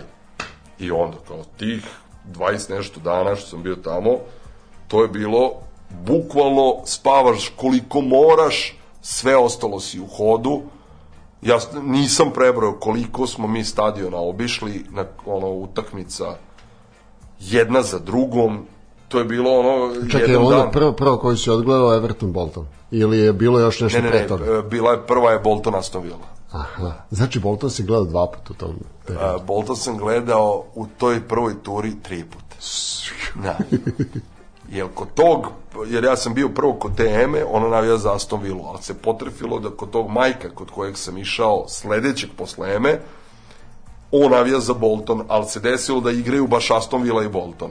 Znaš, tad dok sam bio kod ove. Ali to su sad ono kao, ne znam, maj, Emini roditelji žive selo pored e, majka. Znači, kao da on živi u Futogu, a ona u Veterniku ili u Begeču, razumeš? Tako da se to e, to ne možeš da povataš. Ej, kao, koliko je sati? Aha, 12. U jedan stiže Mike, po tebe idete za Glasgow. U Glasgowu gledaš Glasgow Rangers i Hearts. Pa te vraća da spavaš kod njenih roditelja, jer sa tatom idemo sutra u Birmingham, gde, gde je, ne znam, Ema, pa ćemo sa njom, ali ne morala jedan dan da radi, idemo na Aston Villa Newcastle, pa iz odande trči nazad, pa, na- pa te ovaj preuzima na autoput. Znači, totalno si ono 25 dana u euforiji, ali bukvalno u euforiji i sa, stalno si ono kao u borbi s vremenom. Hoćeš li stići pa, znaš, kao, a ovaj me dole zove, ej, ako uspeš da si skombinuješ ovaj, Millwall, Wolverhampton, petak. Ja kažem majku, majka kao, ja ne mogu vremenski od Boltona do Londona južnog ima da se gilja debelo. To je dobrih 4 sata vo, vožnja, da nije gužva, znaš, kao ne, nema šanse. Ali se namešta da ja i Ema, pa će brat njen da me preuzme ne znam gde, jer brat baš ide kod, kod, kod drugara, idu mu na dva, tri dana koji se preselio u London, pa će me povesti, oni imaju kola, ali da me Mike dovede do neke tačke gde već, a mi smo to jutro obilazili stadione po Lancashireu, e, taman ćemo stati u lupom Altringevu, e, ovi će me na toj benzinskoj pumpi da sednem s njima u kola u jedan, stižemo u London do pet, razumeš, utakmica je u osam, kao sve to okej. Okay. I sad kao, a ja kao pao s Marsa, ovi samo me prebacuju iz jednog vozila u drugo, iz jedne kuće u drugu, sa stadiona na stadion. Znači, Kao ping-pong loptica. Da, e, bukvalno je tako bilo. I stiže mi na taj Millwall, ali mi onda ovaj kao nemoj slučajno da zakasniš na taj bus za Birmingham, jer ako zakasniš, nema drugog. Taj je poslednji noćni, taj koji kreće, ne znam sad, ono, 10-11, ima zapisano u knjizi sve, ovaj, a sve sam, stalno sam nosio blok sa sobom i sednem u kola i ja zapišem. Aha, sad je 13 i 37, prolazimo pored skretanja za Stoke. Znači, sve piše. Isto sam to radio i 2000. kad sam išao na Evropsko prvenstvo 20 dana Belgija, Holandija, svaku, svaki detalj sam zapisivao ili u tom trenutku, da li sam u kafiću, pubu, na trgu, na stadionu, ili sam ono u vozu, ili sam došao na spavanje u sobu, ja zapisujem, znaš, tako da, znaš, par njih koji su, sad sam se ja ono kao sam do, knjige, koji su me pitali, majke ti kako si popamtio, Nisam Dosta sam upamtio, sam, da. ali sam 90% Da, da, imao da. zapisano i nije mi bio problem kad ja pročitam te svoje zabeleške da se setim ono celog događaja i jer ja sad u ovom momentu ono ne mogu da skontam kojim sam redosledom to šta u toj prvoj engleskoj gde bio, kako stigao, kako povatao i onda kao i taj London, u stvari ja, znaš, kao prvi put odlaziš u London, odlazim na ono tri sata da gledam Millwall Wolverhampton, pa trčim nazad, a, ovaj mi objašnjava kako, koji metroji, ono kao ono, milion ljudi, petak, radni dan, špic, katastrofa, reka ljudi, nikad se u životu nisam sreo s takvom gužvom, uspem da ubodem sve to, Ema me čeka na na buskoj stanici u Birminghamu u jedan ujutru, prenoćimo kod nje i brzo ujutru se iz Birminghama ide kod njenih roditelja u to selo pored Prestona, gde me kupi majker i idemo da gledamo Bolton Ipswich. Da, znači, da, da. to je, ta, e, to je to, to je E, maraton Ali bio. kakva, izvini, kakva logistika i to sve bez mobilnih telefona, bez bilo Bili čega. tad mobilni. Dobro, ali Pojavili se si- SMS-ovi. Dobro, dobro, da. Ali, ovaj, ali meni je, sad, ja, ja sam pročitala, ja sad slušam ponovo tebe kad tu pričaš, kao jebote, ovaj čovjek je lud, stvarno, pa. E, ja, ja bih samo još, ovaj, pre nego što odemo na, na muziku, još jedno pitanje. A, prvi put si odbijen za Partizan Newcastle, nisi uspeo drugi put. Jer To je si... treći put. Od... Ne, ne, ne, ne mislim ovaj, nego trebao si da ideš da gledaš Partizan sa Newcastlom, Dobro. 98. Da. da li si 2003. išao? Ja sam sam. Znači, tada si mogao da odeš. Svaki naredni put kad je Partizan igrao u Britaniji bio sam. Pa je od tada igrao dva puta. Pa jedno šest. Stvarno? Bio sam i u Glasgowu, tako je, protiv Glasgow Rangersa, Dobro. i protiv Middlesbrougha, i protiv Arsenala, i protiv Tottenhama, Znači, ja- ja sam i protiv Manchester. Uniteda. Pa evo, nabrojao sam koliko ima, 5 Da, da, da, da, jeste, jeste, Bio jeste. sam na svakoj. Pusti muziku ti zgrobi. Pusti muziku. It was very late in the discotheque. I was feeling blue, as I sometimes do. I turned around, it was time to go. A face in the crowd, a face I didn't know. We got to talking for a little while. You said it's not the sort of thing you usually do. Talking to strangers so late in the night, these days you never know. Well, I thought you were nice, I even told you so. But you smiled so shyly and said to me, I bet you say that to all the girls you meet, but it isn't so. Yes, the club was closing, so we had just little at. I would have liked to have walked you home, but you said you'd catch the bus, so I ended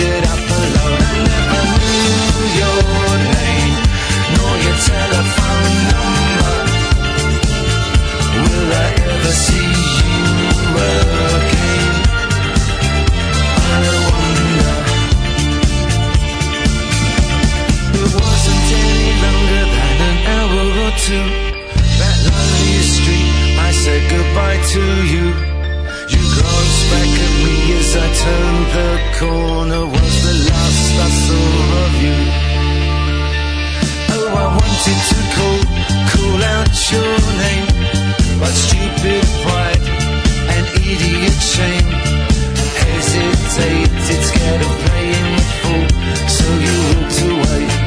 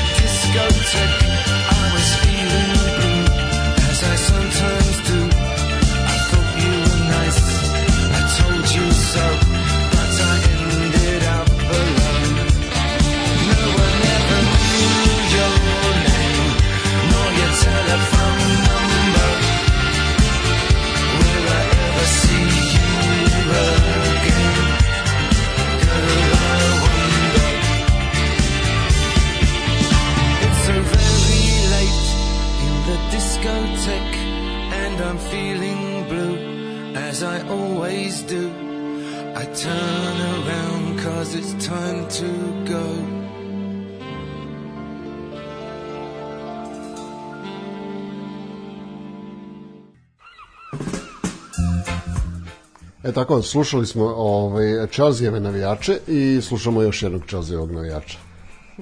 Upa sad.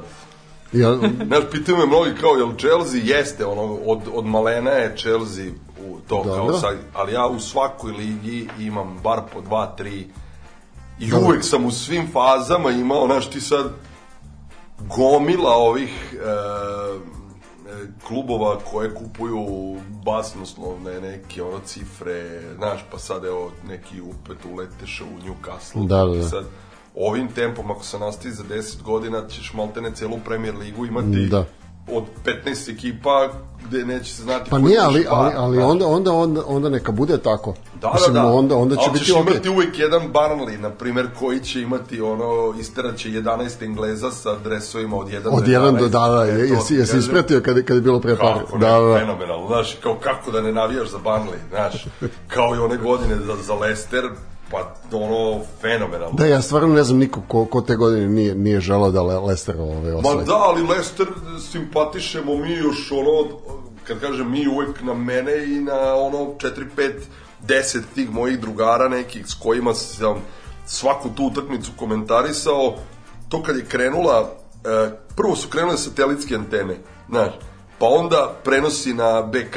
BK 95. i prvu utakmicu koju su prenosili, Aca Stojanović, Chelsea Middlesbrough 5-0. Ovaj, ali prvo satelitske antene i ti čekaš na Sky Newsu onih 5 minuta sporta koji su išli na 20 minut punog sata i na 10, od 20 minuta od pola sata, razumeš? da. Znači dva puta si u sat vremena imao sportski blok, mi smo znali na pamet ime svakog komentatora, svakog sve, znači tu si imao priliku prvi put da se sretneš i da vidiš golove sa ono nižih liga, preglede neke na I onda je to zivkanje. Jao, brate, jesi video, ne znam, Carlisle, jesi video Chesterfield, jesi video Scarborough. Znaš, kao, klubove za koje ono nisi imao gde da vidiš, da ih srećeš, ali znao si za, za njihovo postojanje.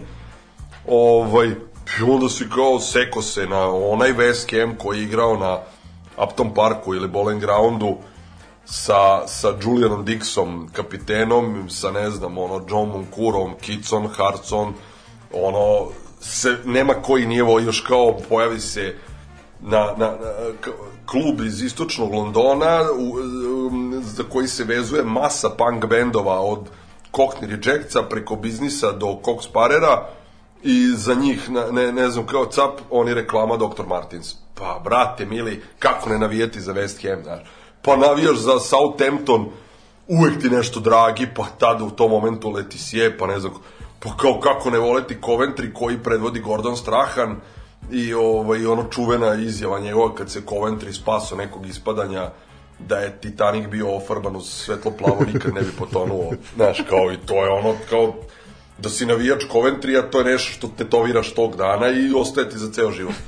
Ovaj, znaš, i uvek si imao uz klub koji kao navijaš zove, ali simpatišeš ih bar šest. Da, da, da. Zbog te eme pratim Aston Villu i drago mi je što su se konačno ono stabilizovali i što su dobri i prošle i ove sezone. E, zbog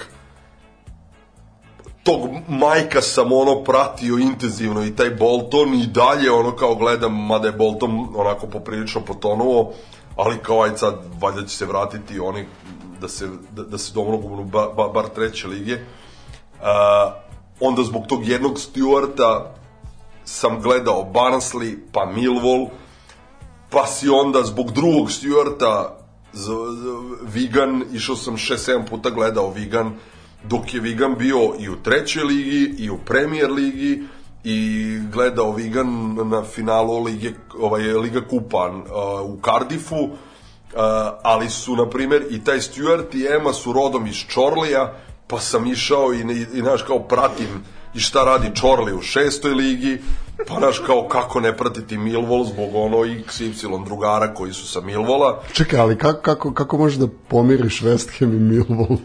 Pa znaš, nisam ja to gledao iz, tako, nego ti ono kao, redko su bili u istoj ligi, ali kad su bili u istoj ligi, Da. bio sam za Da, da. kao evo sad nemam šta da, da ovaj krijem. Uh, redko su ista liga i kao to je to, znaš, kao navijaš, zove ovde, zove tamo. Da, I kao za Wimbledon uvek, uvek mi je drago bilo kao, pogotovo od momenta, znaš, kao ukačili smo kao klinci kad je Wimbledon pobedio 88. u finalu Kupa Liverpoola i to je bilo ono da, kao da. svetsko iznenađenje. Da.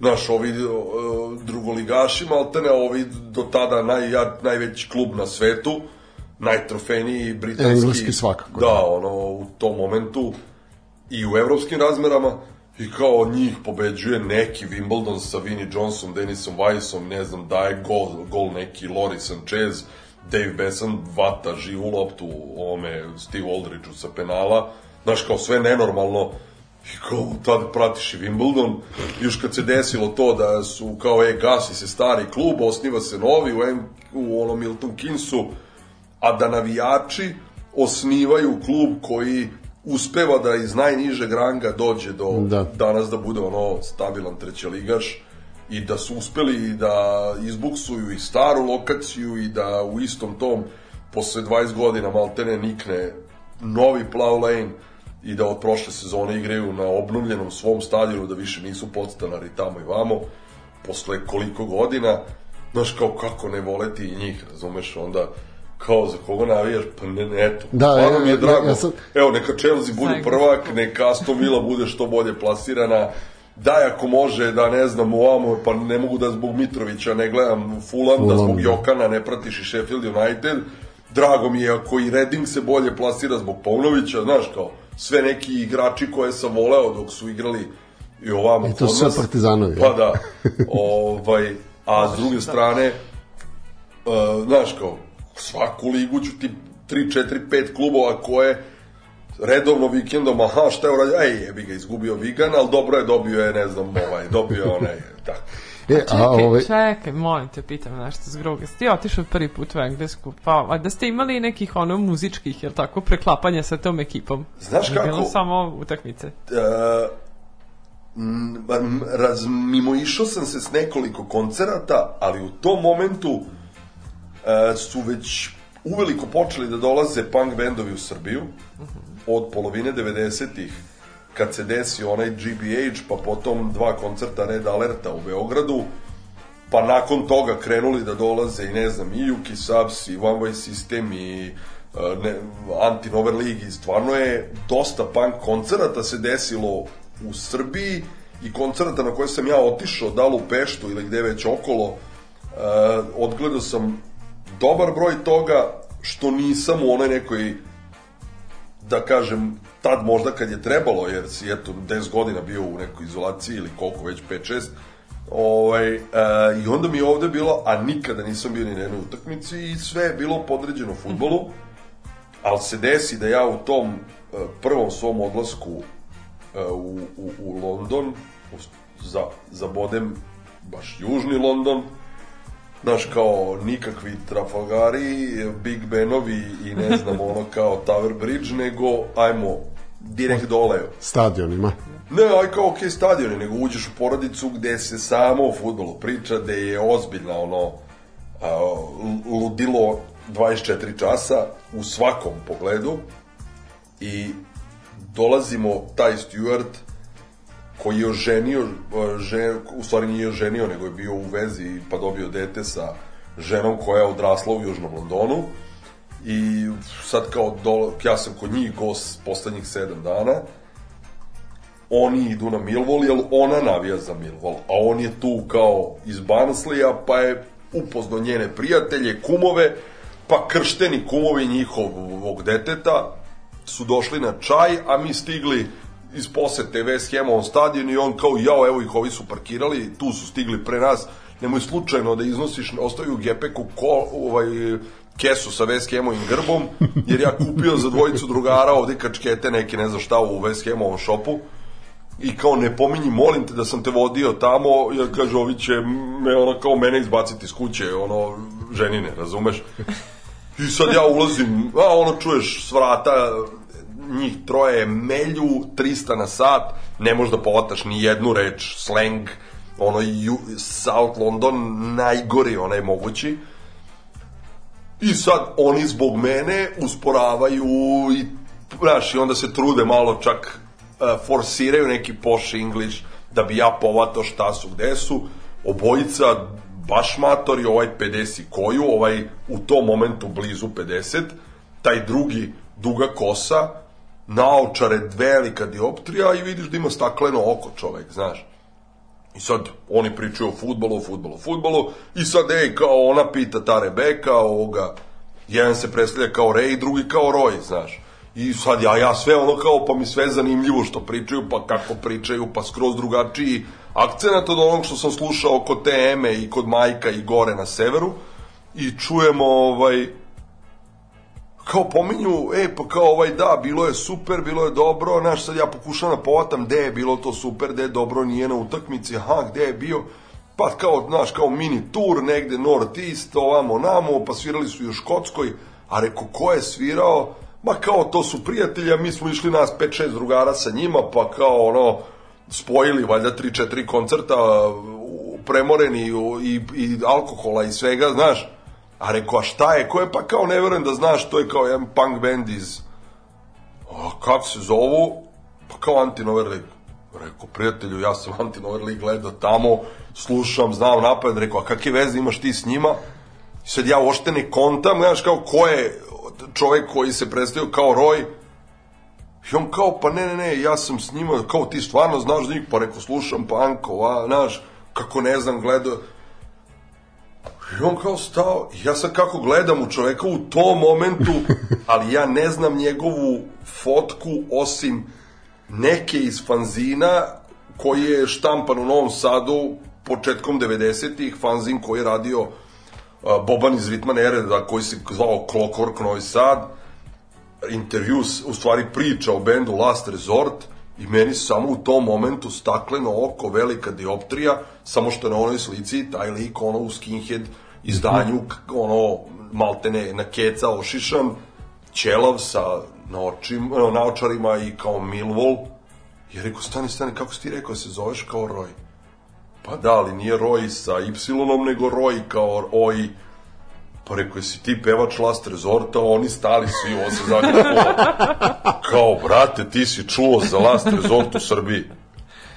Pa i onaš kao ja pao na dupe. Znaš, kao u tom momentu ti sediš sa pevačem benda čiji album znaš na pamet i kao Last Resort do jaja. On je krstio tu malu S koja je ono kao tu, ona bebče neko. Znaš, par meseci.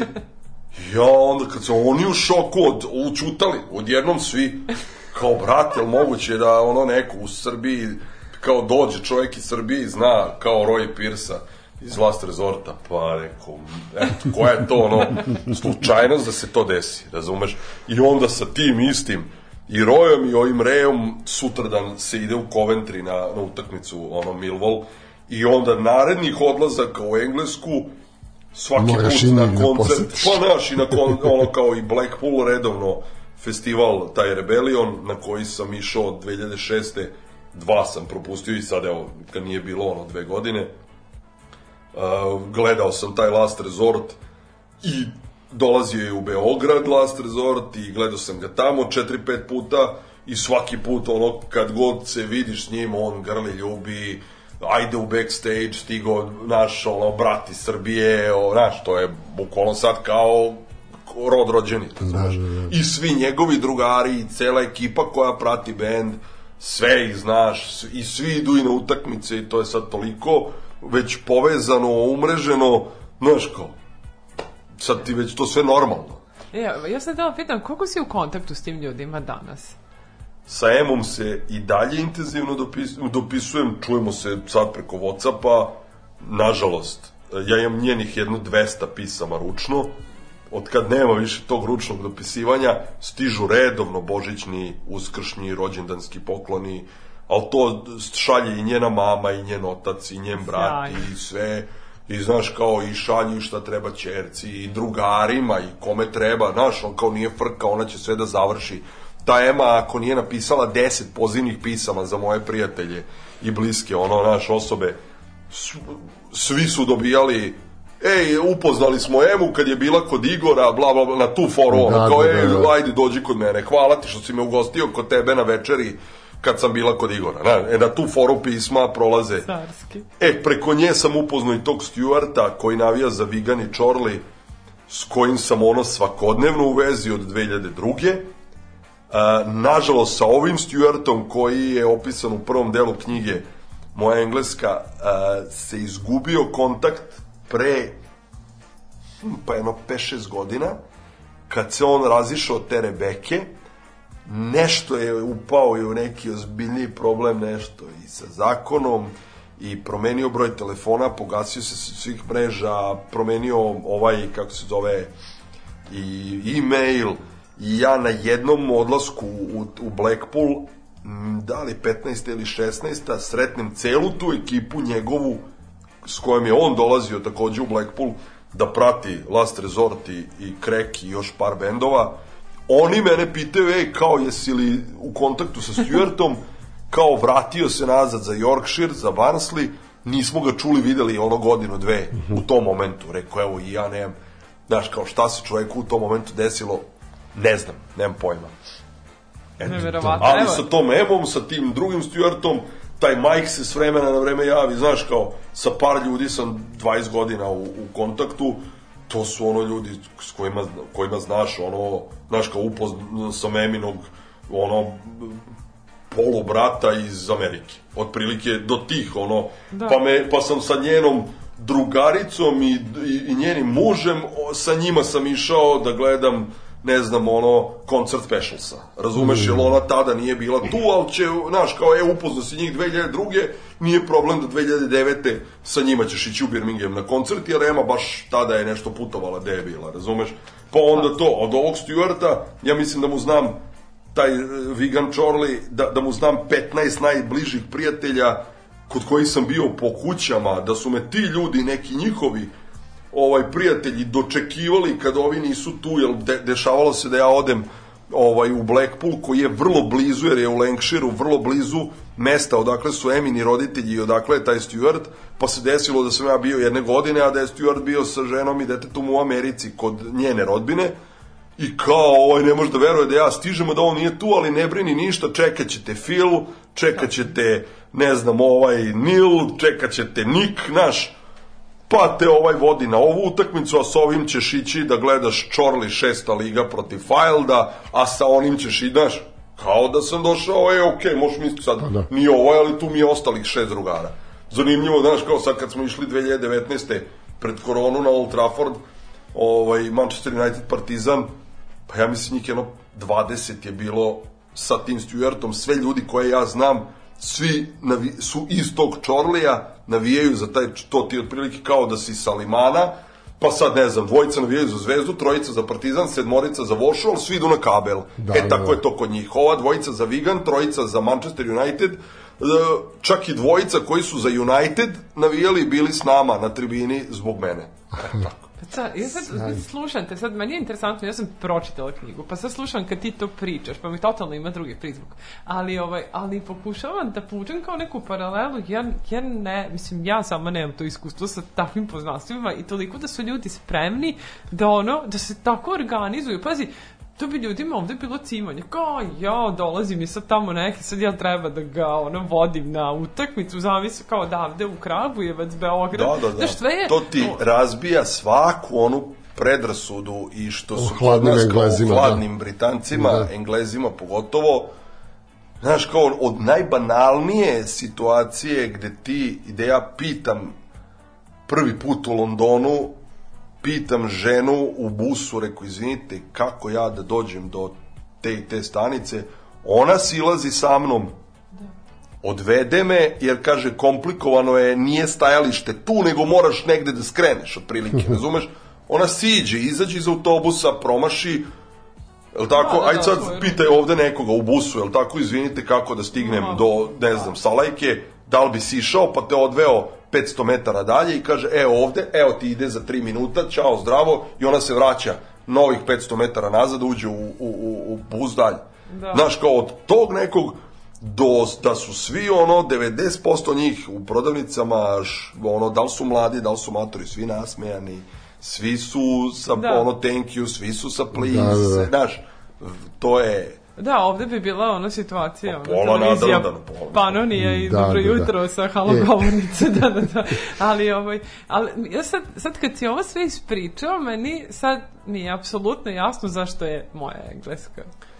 Pa, znaš kako, lična je priča, Pa- pa vrlo je lična je lična. priča, od ranog detinstva mi se sve vrti oko Engleske, od te osme godine i svetskog prvenstva u Španiji i, i dan danas me ne pušta, razumeš? Meni je iz tog Čorlija, koji eto potrefilo se da je slučajno crno-bele boje, ovaj, tokom, tokom pandemije, pa su ono kao pratimo nas deset odavde, šta se dešava s Čorlijem, hoće li preživeti mali klub iz uh, Lancashira, ovaj, kao naš covid situaciju ili će da ugase klub, pa su pro, na onom crown, crowdfundingu postavili neki cilj koji mo, koju kintu moraju da skupe da bi mogli da renoviraju kreče, ofarbaju ne znam šta i poprave krov. Nas deset odavde smo donirali po 20 funti. Znaš, ono kao, dokle si već ušao? Pa da. Kad su izbacili, ne znam, ja naručim 10 vunenih kapa, poklonim drugarima 10 vunenih, nas 10 imamo kape. Čorli. Razumeš kao keveti, ono. Predom. Na, pa bukvalno, znaš, meni sad iz tog čorlija stigne mi za, za, za, za Božić onom mailom čestitka. Znaš, kao, ej, želimo vam srećne božićne novogodišnje praznike. Znaš, kao, okej, da, kao, tamo neka, iz nekog, ono, sad lopam, jedinstvo iz Rumenke. To je taj rang, razumiješ? Da, Da, da. da. Ali ovaj, meni je bilo interesantno kad ti rekao ti u stvari tamo za sve, sve te tvoje odlaske u Englesku ti nisi popio kap alkohola, tako? nikad nisam pio, a i to je iz tog nekog bunta. E, kao klinci, vrlo rano su svi druga, znaš, ja gledam sada, pa kao, ej, jao, da li rano, jao, koliko ovi današnji klinci imaju godine, jao, zamisli ovaj puši sa 15, 16, jao, zamisli ovaj se napije u prvom srednje. Majko Mila, ja sad ne znam ono, e, da li je to bilo tako naša generacija, ali ja cenim da u to vreme Jest. su svi bili takvi Jest. pušili svi masovno u Da. sedmom, Da. svi su pušili u sedmom. Prva ekskurzija, ta koju sam ja išao sa školom i sa novog naselja, nešto smo išli u Sarajevo, ovaj, to je 80, jesen 87. Stajao je bus na Fruškoj gori, zato što ih je sedam bilo mrtvo pijeno. Od Novog Sada do Fruške, nismo prešli Frušku goru. Da, da. I to smo kod mene u kući pretakali u tetrapak od jabuke, soka od jabuke pretakalo se vino. I sedam njih pije, ali ja ne, jer sam ja, e, ja sam, neću kometalci, neću koni, neću koni. Na, u toj svojoj priči se navučem i na taj, ono kao tu granu američkog hardkora gde je band Minor Threat, Black gde je cela jedna scena koja ono kao to promoviše neke zdrave ovaj životne norme bez droge, bez alkohola, bez ovaj duvana, bez ne znam čega. Ok, nisam se ukačio na, na, na, na vegetarijanstvo tada još uvek, ali sad, pošto je čerka već dve godine vegetarijana, drugu godinu vegetarijanac, i ja sve češće uz nju i ono kao, uopšte mi neće ono biti strano da za ono godinu dve i Da. ja totalno se prešaltam ovaj ali i nekako iz tog inata e kao ako je njih sedam pijano i naduvano i ovo ono e ja baš namerno neću nikad znači nisam otišao da sam povukao dim cigare nikada nikada nisam popio kap alkohola e, pivo nikada probao nisam, uvek mi je ono kao una gorko. Ja ne jedem grejpfrut zato što mi je gorak. So, džus isto mi je ono kao ne pijem ga jer mi je gorak. A, I onda mi je ono kao bilo, rekao, brati, koja ti je poenta da odeš na svirku, pa šta ćeš za, videti i šta, šta ćeš, čega ćeš se sutra sećati, mm, da. pa ti u osam već tabla, razumeš?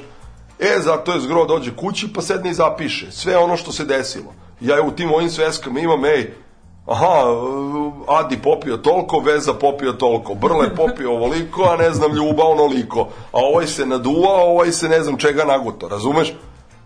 I meni je to, to sve ima zapisano. Ovaj, a ja uvek ono kao Zgroš glave. čekaj da te pitam. Ja, da, ja štreber koji, znaš, ono kao dođe kući i uvek sam ja, aha, svirka se završi u lupom 12-1, ovi svi moji odoše dalje negde, ja odo kući. Da, da, da. Znam da posle toga ne, ništa dobro ne može da se desi. Znači, ili ćeš se usvinjiti jako, ili ćeš se pobiti s nekim, znaš kao, puj brate, mili, spava mi se u jedan, idem kuće, spavam. Na, na, na, I bilo je da od nas, od nas 15, 14 ih ide dalje, ja idem kući. Čekaj zgro da te pitam, u tom tvom štreberstvu, kakav je čaj u Engleskoj? Pa i ne, to pijem, navuko sam se i na to davno. Pa mu nešto moraš. Pijem je, pošto kafu ne pijem, pa umesto kafe pijem ono crni čaj Crni s čaj s mlekom. mlekom, Da. Na, navikao i to mi je to. A, ja bih samo pa, pre nego što odemo na još jednu muzičku pauzu, krajnju ovaj, za, za večeras, možda... Stvarno ne pravimo Fajrant još uvijek. Ne, ne, ne pravimo Fajrant, ovaj, samo, samo hoću da... Vidi, ovi drugari dobio neki sam- rade podcast koji se bavi ono isključivo futbolom. I par puta sam i ja gostovo i rekao, brate, neću više da idem na podcaste koji traju sat vremena. Udavit ćete ljude, rekao, čoveče, ko može da sluša bilo šta sat E, vremena? a vidiš, ja sam sad dobio poruku, ovaj, a, može on da, da voli i sve, ali samo se za partizan navija. Au. A možda zamisliš od koga je.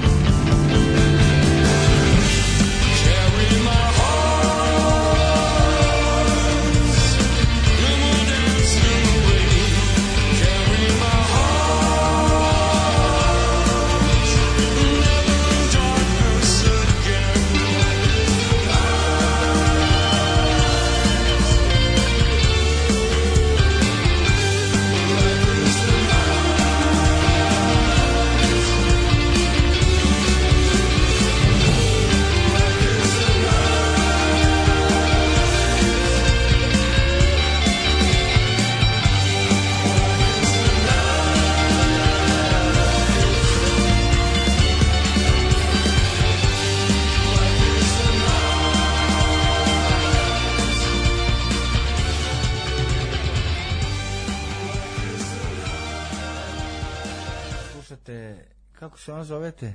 Raslojavanje. Ka- Raslojavanje sa Sinišom i Dunjom. Sad treba da pitam opet, a šta je ono bila tema emisije?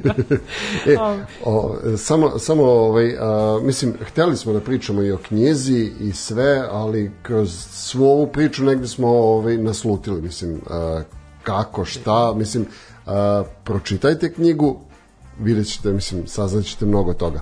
Samo ovaj, kratka priča, kratak osvrt na to ovaj, kako je zapravo došlo do, do knjige. Nisam planirao da je napišem, tamo u toj nekoj takozvanoj biografiji u knjizi piše da nisam ni pisac, ni novinar, ni napisao sam gomilu nekih tako tekstića, tekstova a, za razne fanzine i eto za CKM gde sam bio taj neki saradnik, stalni, Sportski sportski, da, navijački ili kakav god. I e, sad ima možda i pet godina kontaktirali su me momci koji rade stranicu a, Engleski engleski futbol, tako je. I to tako što me Dime Dimitrije Banjac zvao kao, ej, vrate, ja bio radi na intervju, dobra je stranica, ne znam da li gledaš, da li pratiš. Ja sve to što se po netu pojavljuje, ono, poslednji čujem, saznam, jer ne čačkam, ne, ne zanima, nisam Nemaš nikad na društvenim, mreže? nemam ništa. da.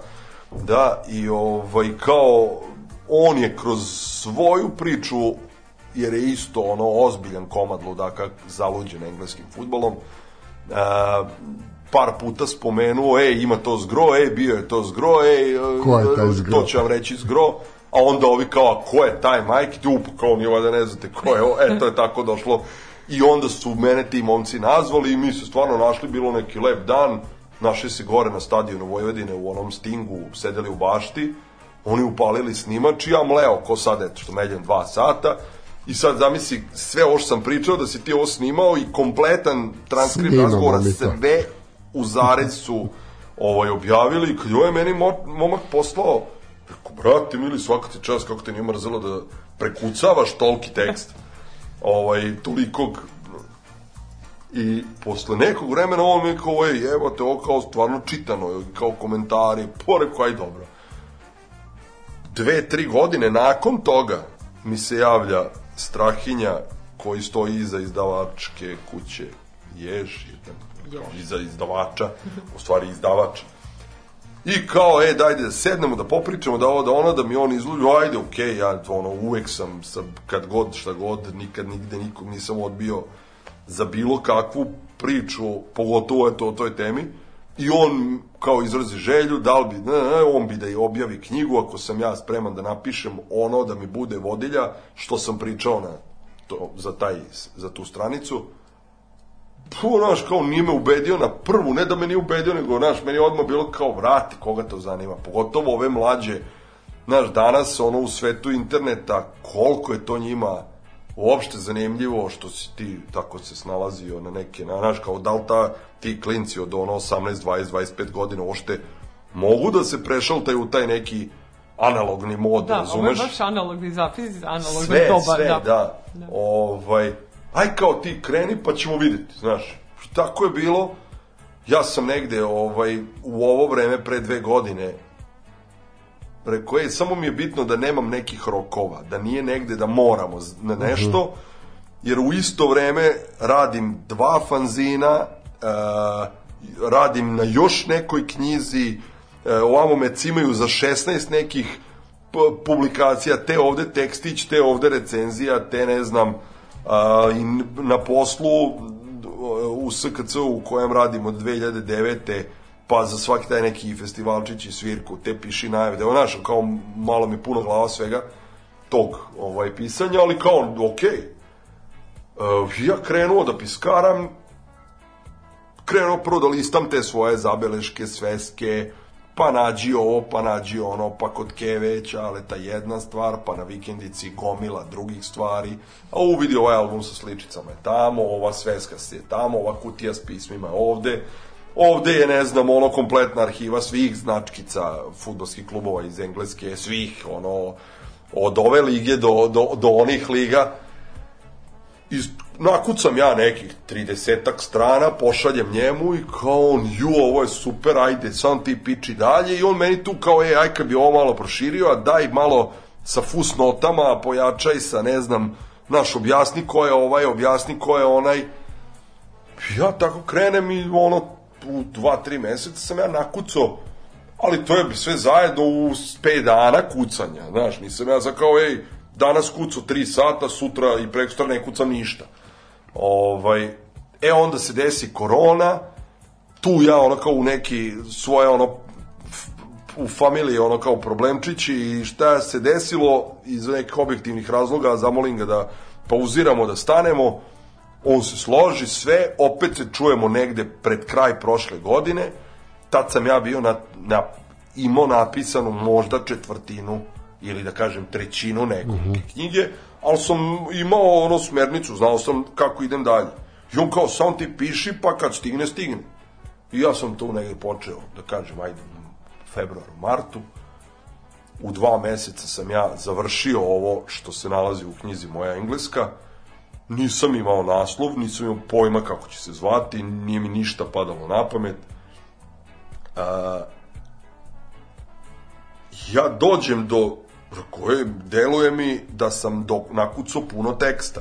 Nemam predstavu koliko je to kad se ubaci Da, da. u taj neki ono kao program dizajnerski, znaš, kad ovaj majstor koji bude prelamo ubaci u InDesign, pa ubaci još neku fotku, da li je to dovoljno ili da pišem dalje. I on kao, ajde da vidim, kao, brate, nemoj više slovo da napišeš, ovde ima sigurno preko 200 strana, kaže, ako ga, znaš, kao, koliko bi imao dalje? Pa rekao, brate, mili, ja tek došao iz prve engleske, a bio još maltane 30 puta. Rekao, tek sad kreće frka. si zagazio, da. Ju, kao, nemoj slučajno, nego daj nekako mu neki kraj da može da se nagovesti da možda jednog dana bude i nekad nekog nastavka, razumeš? Poruku, aj dobro. I eto, knjiga se završava tako što sam se ja vratio iz 2002. i opisuje tih mojih 20 godina tog nekog odrastanja i života i 20 godina moje te neke ono opčinjenosti engleskom i svime što dolazi odande, prvenstveno futbal, muzika, moda, uh, kultura naravno, istorija, sve živo. Uh, I znaš kao, završava se s tim mojim povratkom iz prve engleske i kao, evo ga, drugi put je pasoš viziran, spreman sam put, ono, plan je napravljen, ovo je plan i program šta idem, šta gledam, pa tako je sad. Da li će biti drugog dela, e, imam tri neke stvari koje bi trebalo da završim u narednih godinu dana, pre nego što ovaj, bi se bacio možda na drugi deo, ali ajde kao, da li će biti, biti, neće. Dobro, Onda da- kao šta ćemo na naslovnu, opet je njegova ideja, ej, daj one značkice što si pominjao da vidimo, kad je on, ono, u, vrate, mili, šta je toga, fotkali, ispola zanimljiva je naslovna, neko je pitao, ne na promociji koja je održana u Boulevard Booksu pre desetak dana, nego kao, ej, zašto si stavio britansku zastavu, a moja engleska, znaš? Da, da. nije slučajno, baš zato što smo mi kao klinci, tebi je ono poveznica engleska bila Union Jack. Da. Pogotovo u to vreme, 80-ih, znaš, kao prva majica je bila Union Jack i kad se pogledaju fotografije sa utakmica iz 80-ih, 95% zastavi koje su visile na utakmicama engleskih klubova Da. i engleske reprezentacije bile su britanske Da. nisi imao Union Jackove, ove, uh, Union Jackovi su bile, nisi imao St. Georgeove, Da, da. to tek počinje od neke tamo druge 96. polovine 90-ih, Da. pa 2000 i sad kao ono, da, da maltene koliko je onda bila ono, ne znam, od 10 zastava da je 9 britanskih, a jedna engleska, sad je obrnuto. Razumeš? Čekaj, da ja te Tako da pitam, nije slučajno. Jesi ti odne onom zaposlenom u, u konzulatu E, pa onu da, fotku? ja kad sam se vratio iz te prve engleske, Išao si u Beograd, išao u Beo, da, išao sam u drugu englesku. Ne, išao si na, na partizan. Da, išao za Beograd i cap, idem tamo. Pita me ovaj, izvolite kojim povodom, rekao, treba samo da vidim, zaboravio sam ime čoveka tog, ovaj, tog i tog.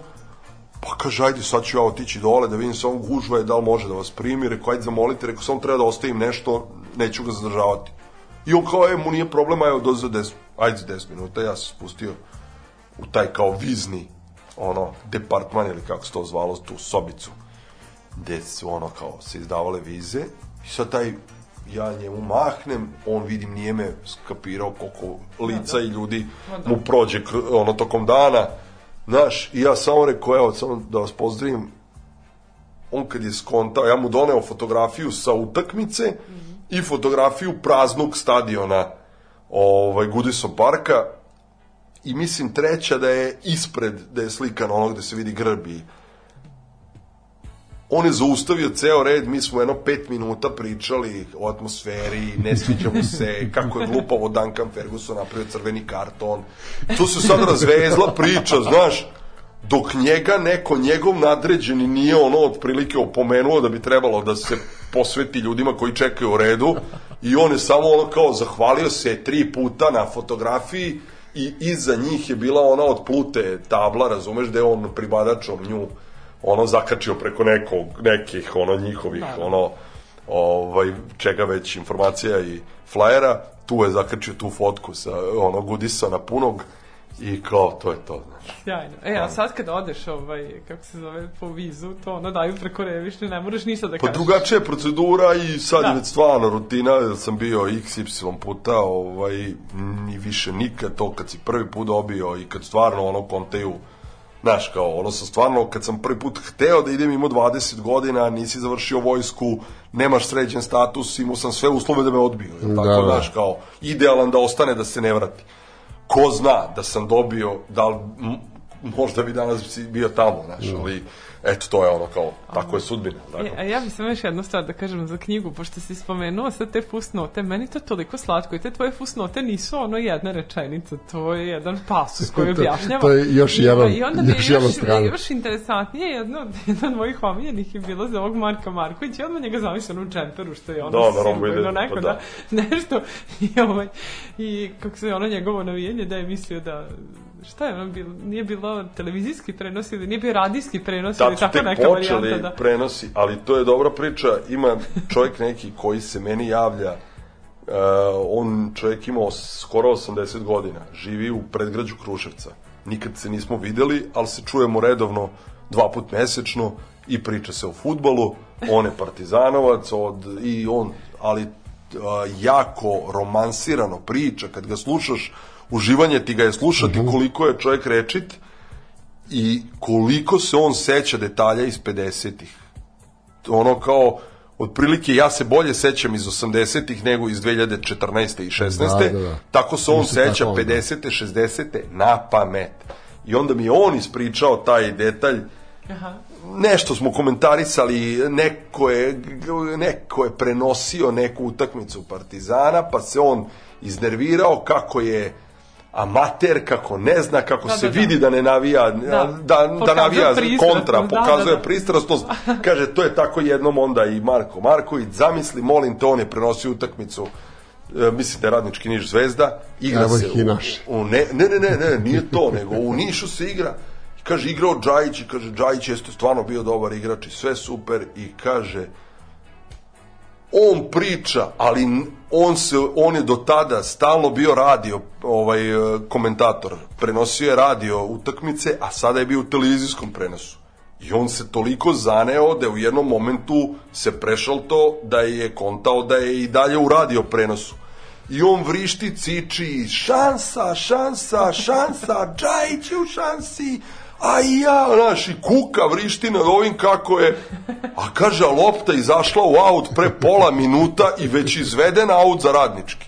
Da, Znaš, i kaže, i to gledaju, svi koji gledaju prenos, on, on uopšte nije skontao da on prenosi TV meč, nego da prenosi, znaš, i ti onda si se tek zapitao, majko mila, pa šta je taj onda lagao kroz karijeru, pa kaže, pone nas dok nismo imali TV prenos, dok nije, znaš, dok je bio samo na radiju, pa ko zna šta je taj nalago, da li se to stvarno i desilo, znaš, kao pola tih mečeva, ne on, nego svi ostali, ti si počeo da sumnjaš onda u sve ove kao drugi komentatore, jer ako to radi, radi ovaj Marko Marković koji važi za jednog od ono kao najboljih, naj, znaš, pa kao šta rade ovi koji su Da, ispod da, da. njega, znaš, eto, Jeste, tako pa da to jeste. meni bilo ono, kad sam se već dotakao, bilo mi je zanimljivo da ispričam i tu priču što mi je pričao taj Slobodan iz sela pored Kruševca.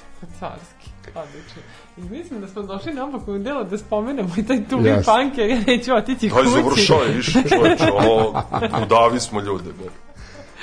To bi punk, evo, pitanje, kratak odgovor, ako budem mogao da budem kratak i to je to. Ajde, Da. probaj.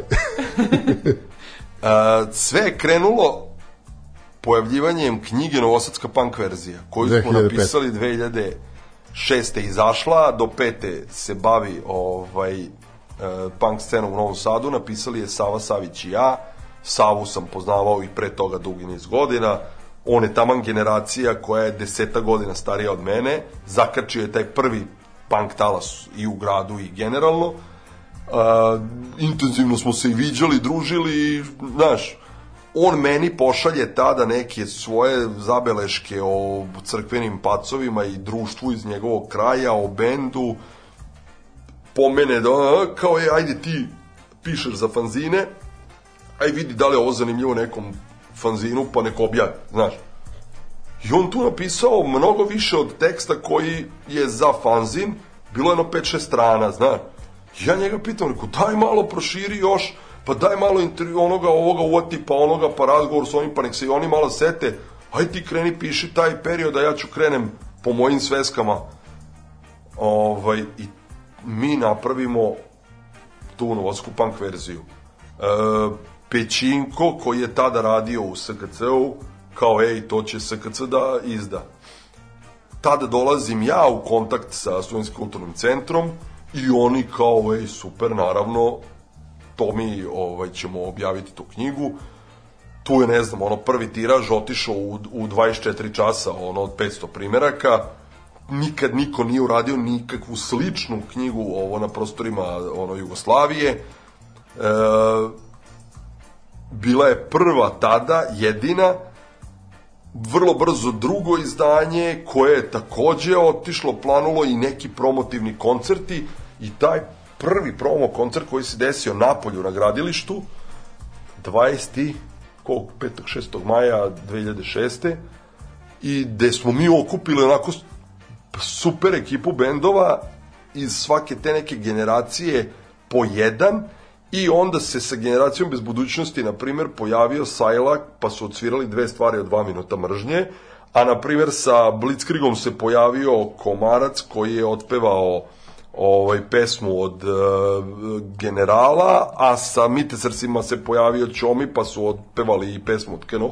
Tako da je to ono kao bio baš presek te ono kao novosadske scene do tog momenta i to je bio neki period u Novom Sadu kad je stvarno se svašta dešavalo, znaš, kao ti si u to vreme već uveliko imao i exit, gde su počela da dolaze uh, velika strana imena koja nas zanimaju, da nije samo Dance Arena i ovi tuc tuc. Da, da.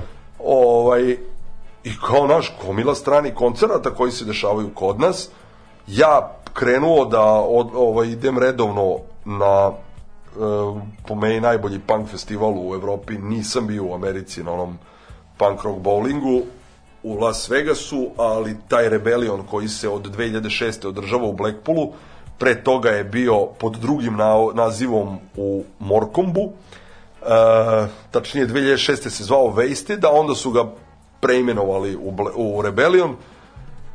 I onda ono kao, brate mili, ajmo nešto slično napravimo i mi ovde, ne mora da bude pet bina i sto bendova i ono dan i noć, daj da budu dva dana, da bude neko strano ime, neko domaće ime, neko regionalno ime, znaš, ono, neko ime iz drugog grada, jedan lokalni, i ja predložim to onoj ekipi u SKC-u, jer ja sam nakon te knjige intenzivno sa njima sarađivao kao spoljni saradnik uh, i bio u dopisivanjima i ono kao komunikaciji sa brojnim bendovima od preko i jako puno koncerata koje, bendova koje sam ja dovodio vamo je SKC bio ono producenti zajedno smo ih radili prvo u studiju 24, posle u ovome, kako se zove, u Crnoj kući kad se otvorila 2007.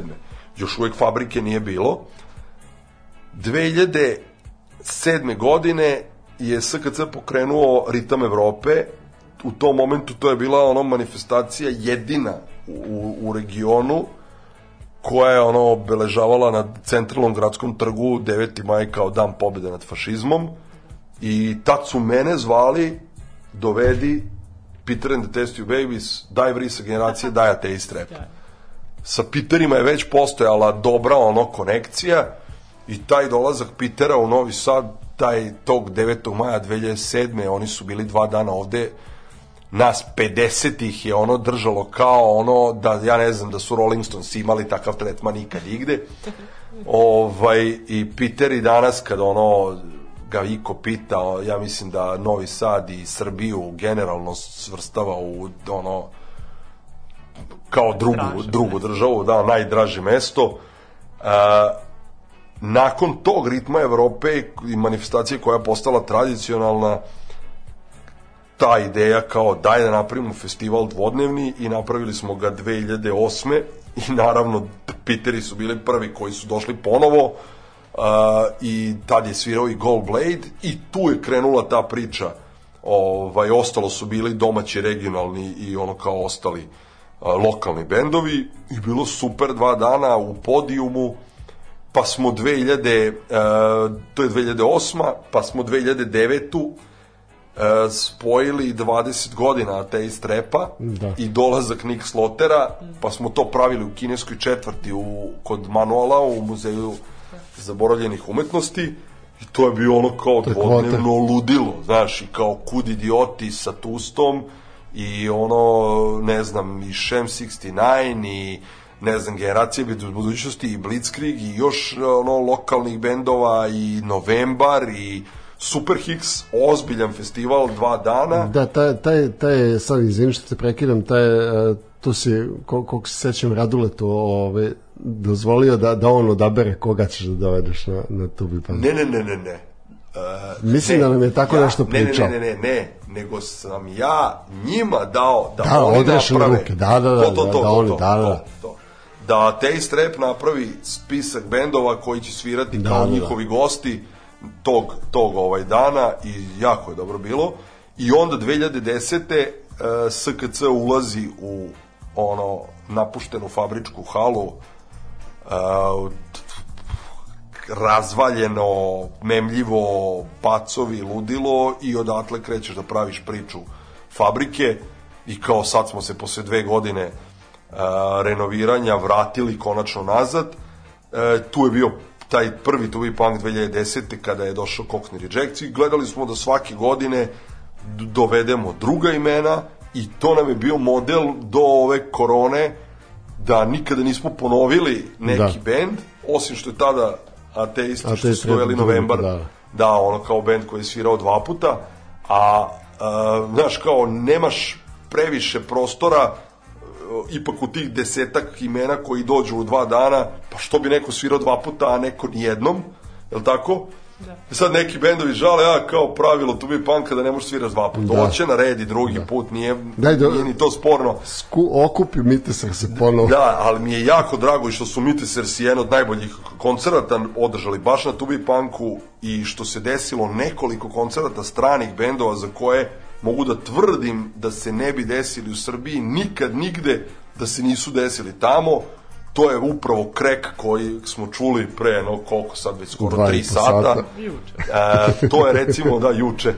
ovaj, to je Snuff, to je band uh, Night Fever, to je on kao u tom momentu Spamberts koji je bio 91. i koji je ono kao nama svima vrlo bitan i drag band koji je bio 2012. na Tobi Punku i sada ih ne nabrajam dalje. I kao, to je ono kao festival koji je sad već dospeo na neku tu mapu, ako ništa, bar regionalnu, kao neki eto, ono kao sa tradicijom, festival koji, će, koji se i prošle godine u vreme ono onih najgore pandemije i svega Da, imali ste desio u nekoj da. online verziji i tad smo ponovili ovaj bendove, ali kao ajde okej, to mi je imalo smisla i kao sad kad su mi ono e, informacije zamisli 20.000 ljudi je a, taj dan bilo uz TV, uz ono kao online gledal Znaš, kao, ja nema ošte odnos prema tomu, kao 20.000 ljudi, daj nek se 2000 pojavi na koncertu, razumeš? Da. Znaš, kao, mani me, mani me online i gledanja koncerta Da, da. preko neta, znaš, kao, Da, ne vidim čovek, poentu. da. I onda si video i koliko je tim svim bendovima ono kao čoveče, neprirodna atmosfera, on svira pred kamerama i pred 13 ljudi iz organizacije, kao da je na probi, a nije na probi, jer ga gleda ozbiljna na audit- auditorijum, ono preko ekrana, tako? I kao ove godine uz sve mere i sve ono neke ograničenja i čuda u fabrici u kojoj još uvek ne funkcioniše sve kako bi trebalo, još uvek smo u fazi ono prilagođavanja i adaptiranja na novo, ono renovirano, e, pa se i tu desilo e, da u dva dana ono kao e, nastupi devet odličnih bendova koji nikad ranije nisu bili i da smo imali i goste iz Mađarske i, Hrvat, i Austrije i Hrvatske i naš ono kao iz Srbije i kao super i spremamo se za jesen 2022. za 15. izdanje nadam se bez ikakvih mera sa ono punom fabrikom i sa ozbiljnim line-upom od preko I mi se nadamo I tome. nešto umeđu vremenu da možemo i da odemo da vidimo, jel da? Pa eto i to ne bi bilo loše da. pustiti nešto za kraj pa da se razilazimo A, Ili može, mo, mo, može novi Stranglers i da se raz, razilazimo. ako je sa uh, Stuartom Pearsom onda ima smisla Može. može Hvala. Hvala, ti što si bio. Hvala vama, evo ja da se izvinim, ono kao svima Ma, koje sam nisam, udavio. molim te, ovo je priča Jer ja, ja uvek imam drugari koji rade ovaj podcast futbalski i par puta sam gostovo i kao, e, si slušao, rekao, brate, mili, ne mogu da slušam nešto je duže od 30 do 45 minuta, plafon. I sad mi ušli u treći sat uveliko, gasi ovo i da se razilazimo. Hvala. Laku noć. Laku noć svima. Laku noć.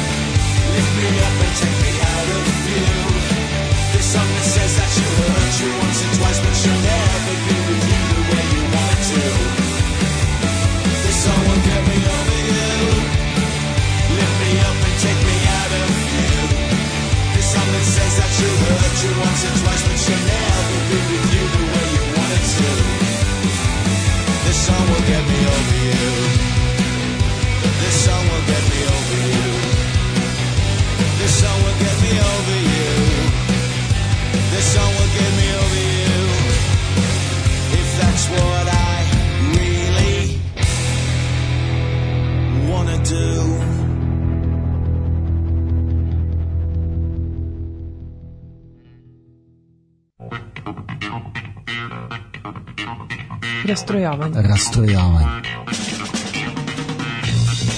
Četvrtkom uveče u 8. Uglavnom uživo. Rastrojavanje.